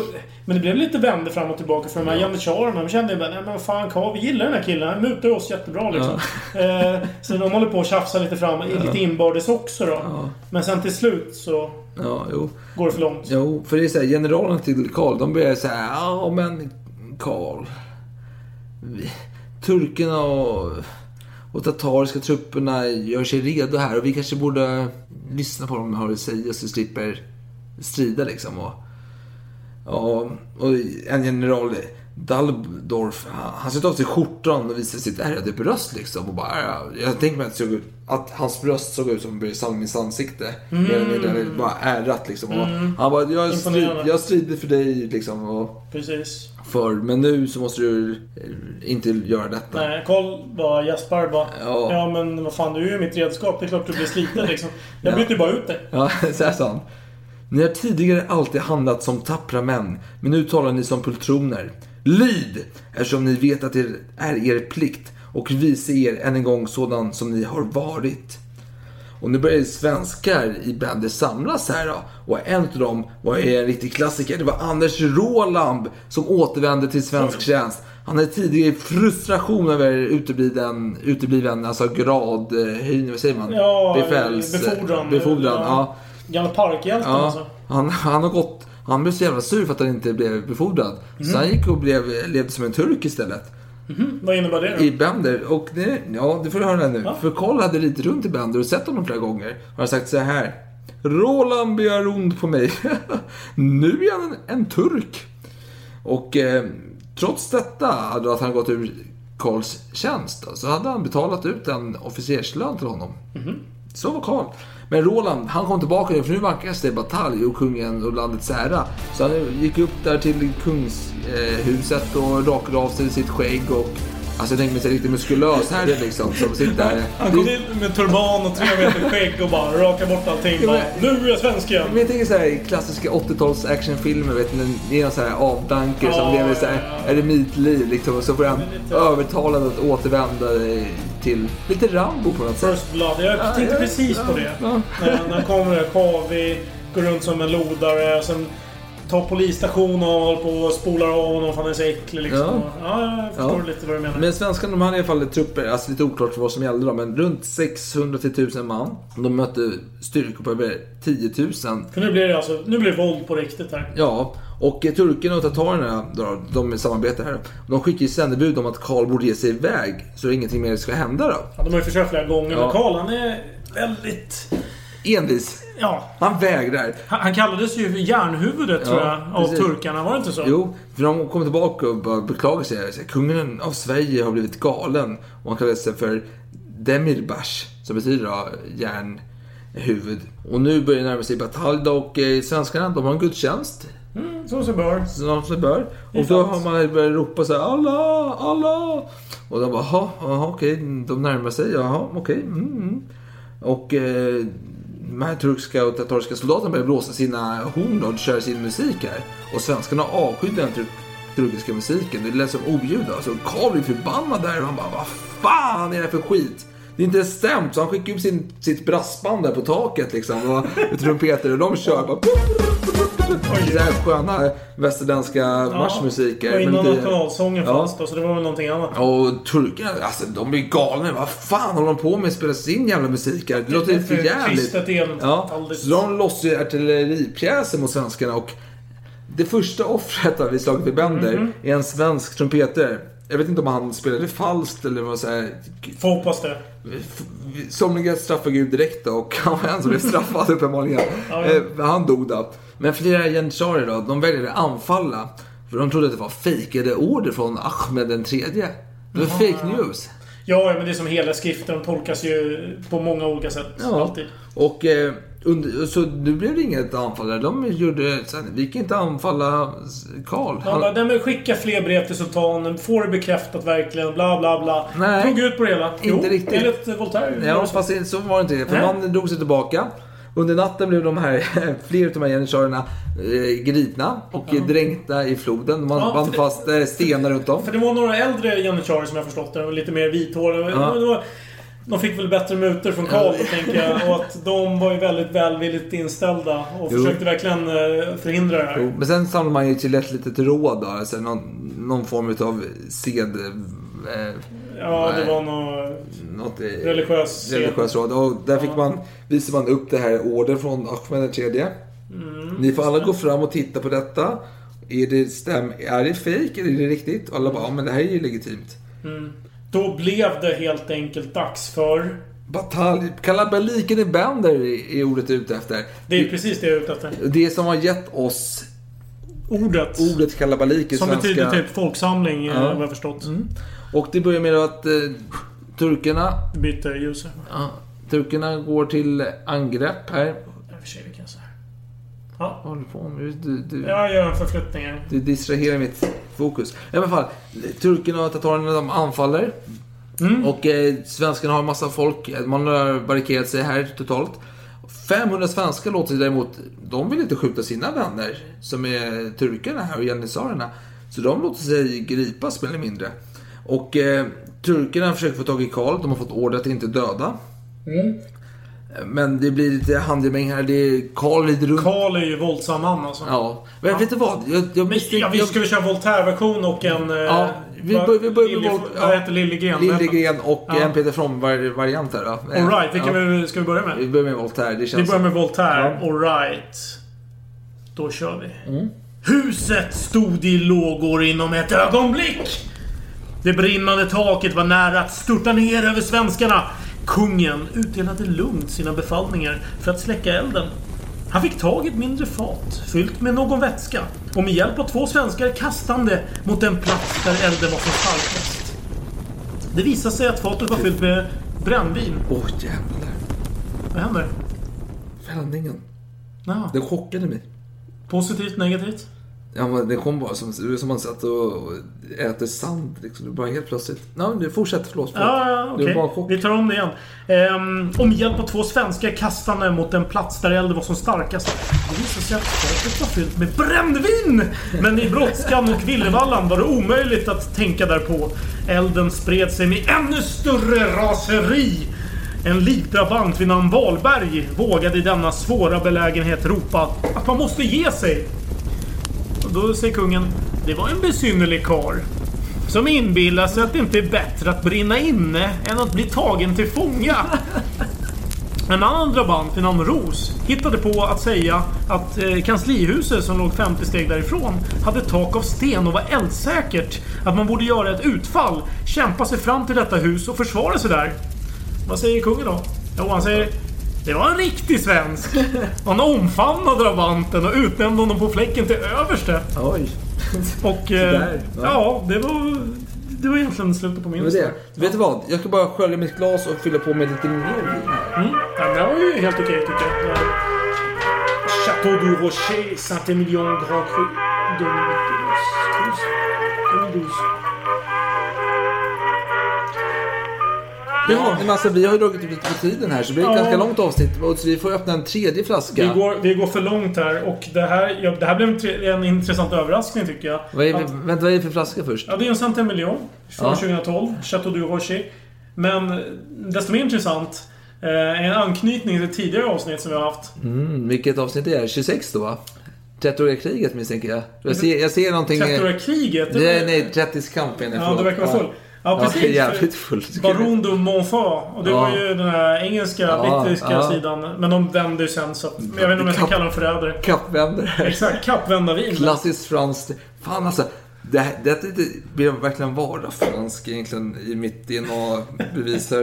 Det är mycket kappvänderi redan Jag tycker det tidigt. var ganska gott, men du fick en kvällning här av eh, fällningen.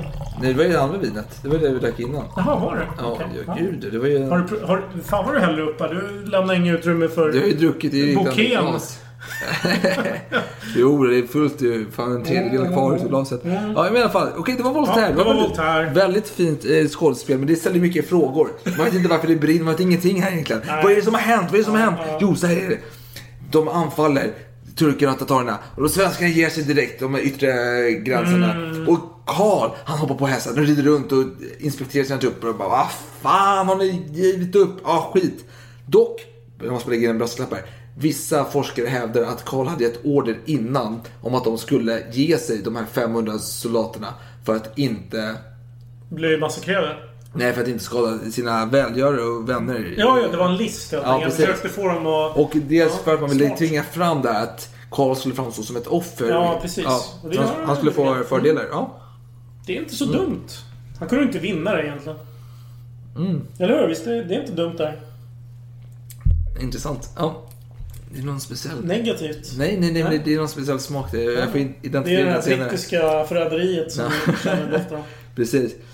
Och med Karl sprang runt där, så han var ju ute för och folk försökte få in honom i kungshuset. Men han ville se vad turkerna hade för sig ute, som han sa det. Och helt plötsligt kom ett skott.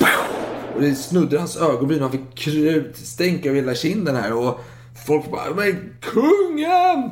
Rädda dig! Och försökte dra in honom. Och nu får han en ros då. Som Axel Ros. Och han fick höra att kungen har blivit skjuten. Så hans hjärta börjar bulta snabbt. Det bultar snabbare och snabbare. Han bara NEJ! Så han springer över mot kungshuset för att se vad som har hänt med kungen. Och han ser att kungen är vid liv. Och det smäller överallt där. Så man drar, med våld drar man in kungen i kungshuset. Och där inne så är det full kalabalik då. Det är folk överallt. Det har kommit in ett, eh, eh, tatarer och turkar som håller på och plundrar kungshuset. Så kungen beslutar att nu jävlar går vi igenom rum för rum här och eh, länsar skiten här. Och man går in i ett rum och det är full, full eh, drabbning här. En man kommer nära Karl och drar upp honom. Och, alltså, han är starkare än en stor biffig jävel. Han har pumpat hårt här liksom. Och Karl sitter i underläge. Men han ser sin kock med en pistol en bit bort. Så han blinkar lite så här. Du vet, så, så här. Du vet vad som gäller. Och kocken, han är en kock. Han, är, han, han, är, han har öga för detaljer. Så han ser den här blinkningen från Karl. Så han tar fram sin pistol. Wow, briljant. Skjuter den här turken i bakhuvudet så bara blod och järnsubstans skvätter överallt här. Det är riktigt jävla dramatiskt. Och så går man vidare. Det är ett rum. Några håller på att stjäla saker från kungen. Eller hans kammare då. Kungen kommer in dit. Haha! Och ser några flyr. Eh, någon ber om nåd. Kungen säger ja, okej du får... Eh, ja, okej. Bara du springer till din solbesirare och berättar vad som har hänt just nu. För han, han hade slaktat några innan då. Och sen i några hörn sitter med så här, pistol och så här, darrar lite och skyddar sig själva. De sitter alltså, en sitter över en annan om man säger så. Så kungen går dit och sticker sin värja in i bröstet på den här eh, människan. Men värjan går igenom, så han dödar båda två då. Eh, Ja, ska inte skratta åt det. men Ja, fortsätt. Ja. Och sen går han vidare och eh, i ett annat rum. Och Ros börjar nu fundera, men vad fan tog Karl vägen? Karl. Kungen! Okej, hela hans titel här eller? Ja, ja, jo, gärna. Vad hänt med Karl med Guds nåde? Sverige götes och vändes konung, storfurste till Finland, hertig ut i Skåne, Estland, Livland, Karelen, Bremen, Verden, Stettin, Pommern, Kasuben och Vänden, furste till Rygen, herre över Ingermanlands och Wismar, också fallskrevet vid Ren i Bayern samt Jülich, Kleve och berghertig, grev till Walden, Spanheim, Mark och Ravensburg och herre till Ravenstein. Vad har hänt med honom? Ja, och i, i samband med den där tanken så blev han skjuten i huvudet för att han tänkte så länge. nej, Nej. nej, faktiskt inte. Men han gick runt och letade efter kungen. Mm. Tror- Kungen, han var ju stridskott som bara den. Jag tror de Han var, hittade... så, han var så stridskott så han sprang runt och, och han fastnade i sina egna sporrar och ramlade ner på marken. Det är enligt Voltaire. Ja, jo, men det är senare. För eh, Ros hittar då kungen då i ett rum och han är ja, det är prekärt läge deluxe här. Här har ju tre stycken banditer som står runt honom och hotar honom till livet och uppe med sin eh, sån här, vad heter det? Eh, sabel, eh, högstförhugg här. Mm, yes. Och eh, Ros, vad gör han? Han är råd ut i nöden. Så han tar fram sin pistol och siktar. Skjuter. Han skjuter för guds skull. Han sköt sönder, han sköt sönder, han sköt ihjäl två stycken de här. Och Karl stack i sin värja i den tredje. Och det krutdimman ligger tät i rummet och Karl ser knappt vem det är, men han ropar Ros! Är det ni som frälser mig? Jag ser att det är Ros inte har övergivit mig. Och eh, Ros bara ja, självklart. Så han stod där och var tårögda och eh, Karl undrar hur läget såg ut. Ros förklarade att det var få mannar kvar och det andra är döda eller tillfångatagna. Då svarade kungen Ros, låt oss nu gå in i salen och göra vårt bästa med det lilla manskap vi ännu har igen. Och nu försökte turkarna med storma men de misslyckades. Och eh, man försökte tända eld på huset, vilket lyckades då till slut.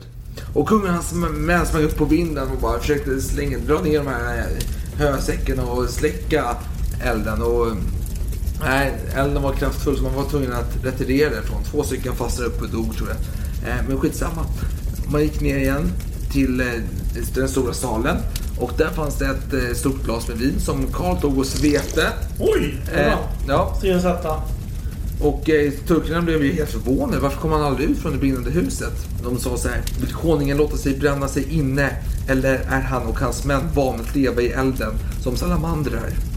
Och nu var hela huset i lågor. Kungen och hans män samlades i hans sovrum, där det inte brann uppenbarligen.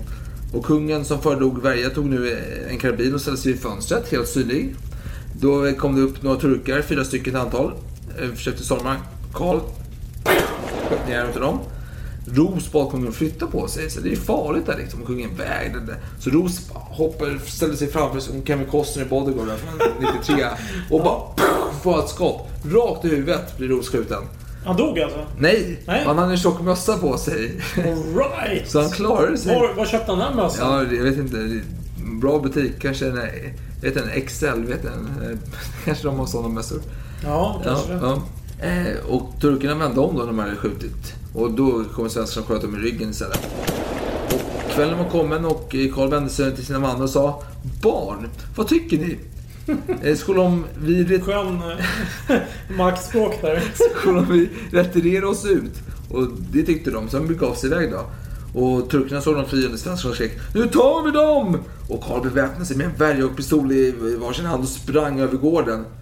Dock så trasslade han in sig i sporrarna och föll och blev Ja, gripen. ja, Ja. det. Och det hela var över. Sammanlagt hade 40 turkar och Tatari dött och runt 12-13 svenskar dött. Men vad fan, vad är mest sannolikt? Det låter nästan som att Voltaire underdrev jämfört med din Ja, redogörelse. Mm. Det är ju så att jag känner att Voltaire, han, han borde få pris för journalism här medan din borde få... eh, Ja, Och jag kan nämna att jag har, jag underdrivit min Okej, men- så Voltaire var en väldigt mild man i Ja, sina redogörelser. Ja, men så här, komment- men Karl då, kommenterade det hela så efteråt. Till skämt var det för mycket och till allvar för lite. Till skämt var det för mycket, sa du? Ja. Och till allvar- för lite. Ja. Det är svårt att definiera vad detta var för Nej, jag förstår inte riktigt, men... eh, Ja, det var det inte förstår. Alltså det var inte ett skämt. För skämt så är det inte så. Ja, ja okej. Han, vill, han kan inte kalla det för ett skämt. Han kan inte kalla det för allvar heller. Nej, det är right. lite emellan där. Ehm, den här Fabricius då, som skickades från eh, Holsteinska hovet Mm. tidigare. Han eh, mötte upp med Karl många år senare. Mm. Och, eh, och de samtalade lite om Bender. Och, och de skrattade rätt så Gott. rejält. då. Ja, jo, jo. Och då sa Fabricius så här. Det påstås eh, att Ers Majestät har dödat 20 janitjarer. Och då svarade kungen. Gott, gott. Man överdriver alltid med hälften. fantastiskt. Det är. Så, ja. Ja, och strax efteråt ett slag så träffade Karl en svensk officer som bölade. Och Karl är omtänksam av naturen. Och så han frågade vad som har hänt. Varför gråter du för Uggeman? Och den här personen sa då att eh, han hört utav turkarna att kungens fantastiska kraftiga motstånd hade berott på att han hade blivit galen helt enkelt. Och Karl log gott åt detta och sa Nåväl, berätta för dem som du i fortsättningen hört talas om att jag hellre vill betraktas som galen än feg. Mm, ja, Det är ibland så kan man tänka. Ja, för det hade kunnat förhindrats. För några dagar innan hade Ahmed III fått besked om, om Magnus Stenbocks eh, storslagna magnifika gudomliga seger då vid eh, slaget vid Gadebuch. Där de hade s- spöat skit av Fredrik den fjärde då. Som ni förstår, detta skedde en bit innan, men bud färdas långsamt på den här tiden. Så Ahmed har skickat ett bud till Bender om att sluta trakassera, eh, Karl och att låta honom vara. Men budet kom fram på kvällen när allting var över. Så hade budet varit lite snabbare hade ingenting hänt här. Och nu var alla svenska fångatagna. Mm, Det var de blev ju det till slut Ja. Ja. Och som plåster eh, på såret fick ju brittiska och holsteinska officerare köpa loss de svenska fångarna då. Och Ludvig den fjortonde användes då som, eh, vad kan man säga? Ja, alltså han användes som liksom medel för att straffa de drivande i denna aktion då från turkerna och tatarerna. Och eh, detta var allvarligt. Man hävdade att alla, precis alla, även Karls eh, motståndare då, ansåg att sultanens behandling av Karl var vidrig, avskyvärd och illasinnad, inhuman och så vidare. Och sultanen blev ju lite nervig av detta. Så han la ju skulden på storvisiren och khanen av Krim då, som varit med i detta. Så de fick då skulden för det hela. Trots detta då så ville turkarna fortfarande bli av med eh, Karl XII. Så vi skickade hem honom. Men Karl vägrade det. Han vill ha 100 000 man i eskort nu. Han har dubblerat sina krav här. Och han blev sjuk. Han hade brutit vadbenet, men sa inte något till någon. Så de andra trodde att han spelade sjuk för att förhindra hans avfärd. Då. Men han blev flyttad. Den 6 februari 1713 bar man iväg med honom och la honom i en vagn och körde iväg honom till staden Dematica. Och en brittisk officer skrev om detta. Jag kan inte beskriva vilket vemodigt skådespel detta var för mig. Som hade sett den här första i hans glansdagar då han var en skräck för nästan hela Europa. Att nu se honom fallen så djupt att han blivit föremål för förakt och hån från turkar och otrogna. Och Ja, det tog ett år för honom att läka den här skadan. Som jag har förstått det. Det hände inte så mycket under den här perioden. Ja, kanske spelade schack, kanske läste lite böcker. Ja, fast det är, lite så här, det är inte just den där skadan som drabbade honom. utan Han blev sängliggandes förvisso. Men det var troligen depression som låg bakom detta. Depression till och med? Ja. Jaha. Och han, Psykisk ohälsa? Ja, han låg säng, i sin säng dag och natt flera månader. Då, och eh, Ja. han, eh, han tvingade sina män att läsa fornnordiska eh, kungasagor för honom. Medan han låg där i sängen. Det tyckte han var väldigt avslappnande. Mm. Och en ny storvisir var utnämnd och kom till staden. Och tyckte att Karl skulle besöka honom. Men Karl vägrade. Och hans förklaring var att han inte kunde besöka någon som var så lågt stående. Ja, och det kan ju vara lite så att han kanske har fått underrättelse om att Storvisiren kanske konspirerar mot honom eller liknande. Han vill ju ha direktkontakt med sultanen såklart. Ja, men och han vill, just nu är han deppig. Han vill inte träffa någon överhuvudtaget. Nej, må så vara. Och storvisiren, han är en hetlevrad karl så han blev ju skitare och lämnade staden och eh, sultanen blev jävligt missnöjd och lät strypa denna storvisir då, för detta. Och sultanen var ju också i närheten med att träffa Karl, men Karl, nej han, han, han hade inte tid. Han ville inte framstå som en snyltare eller tiggare. Vilket är ganska konstigt. Alltså, ja, Voltaire får ju låta som att han hela tiden söker sultanens Mm. öra liksom. Eh, Jag har en anekdot där, men det är 1714. Jag kanske ska vänta tills du är klar. Ja. Men och vid jul 1713 kom tolken Jean Baptiste. Bernadotte. Nej, Nej, något någonting annat. annat. Något på est. Och snackade med kungen. Han berättade då att det ryktet gick att kungen hade tänkt ligga till sängs året ut. Och Karl, kungen, han blev upprörd. Vad är detta för anklagelse? Dagen därpå var han uppe ur sin säng och gick för egen maskin. Och sen red han runt en rutt också. Ja, vilken skön... Ja. Eh, Ja. Det kan jag tänka mig att han gjorde. Och nu är jag, jag är framme i 20 september 1714. Var du någonstans? Jag är framme vid, eh, ja, någonstans 1714. Eh, ju- och, och det jag vill säga här är att han försöker komma i kontakt med den tredje. Han känner de här storvisirerna. De byts ut till höger och vänster. Nu är det min tolkning här. Ja. Att, fan, jag vill inte prata med små puttefolket. Jag vill prata direkt med, med sultanen. Det är sultanen som har makten att eh, ja, hjälpa mig i min svåra stund. Och så vidare och så vidare. Och han känner att det är för många mellanhänder. Eh, Men det är inte så lätt att komma i kontakt med storvisiren. För man måste göra det via... ha- Hans soldater blir bevakade av den här storvisirens män och så vidare. Väldigt svårt. Men då har han någon fransman faktiskt som han har eh, kontakt med. Som han eh, får hjälp av. Och eh, han heter Will Long. Eh, och när Will Long, han eh, försökte sig på en list. Ja. Han klädde sig i grekisk dräkt. Och hade ett brev från Karl XII till eh, sultanen. Och eh, han hade fått upp underrättelse om att det är en viss moské då, som sultanen brukar besöka. Och eh, han spelade vansinnig och rörde sig runt dansande mot det här stället som sultanen brukar passera med sin vagn. Och som vanligt är det janitjarer och annat som står i vägen och sådär. Men Ja. medan sultanen inte rider förbi så är de lite mer, eh, ja, laid back kan man säga. Eh, Så han passar på att sp- överspela kanske lite extra, dansa lite och sådär. Tappa lite mynt. Så bara, jaha, så soldaterna plockar de här mynten, blir lite nöjda och sådär. Men sen, sen när sultanen eh, börjar rida förbi, då skärper de till sig. Bara, fan, nu kommer sultanen. Nu måste vi köra bort det här jävla fyllot eller vad fan det är.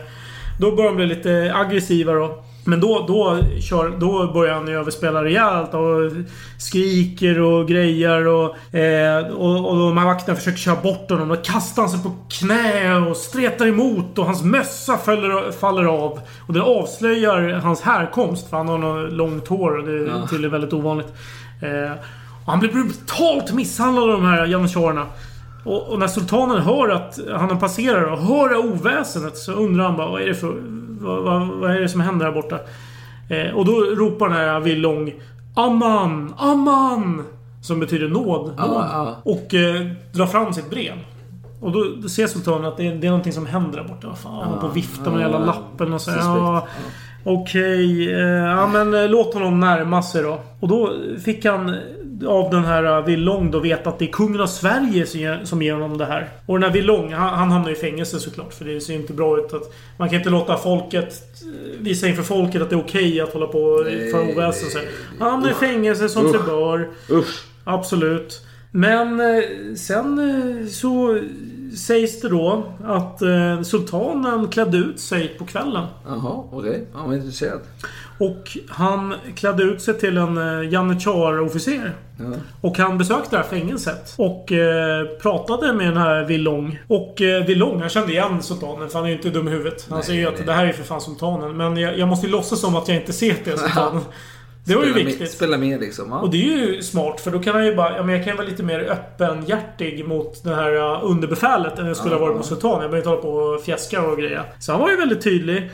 Och då svarade den här sultanen då, med i egenskap av janitjar att Kristen, lita på sultanen, min herre, har en självhärskares själ och att om din svenske kung har rätt skall han göra honom rättvisa. Och Ja. kort därefter blev den här Villong eh, frisläppt. Faktiskt. Jaha, så där, så där. Ja, och sen var det andra eftergifter då som Karl XII hade önskat. Intressant, intressant. För nu har vi kommit till 20 september 1714 och det var dags för Karl att lämna Turkiet för att resa hem igen. Mm, Under fem förstås. år hade det kommit gått sju storvisirer, två kaner av Krim, fyra persor av bänder.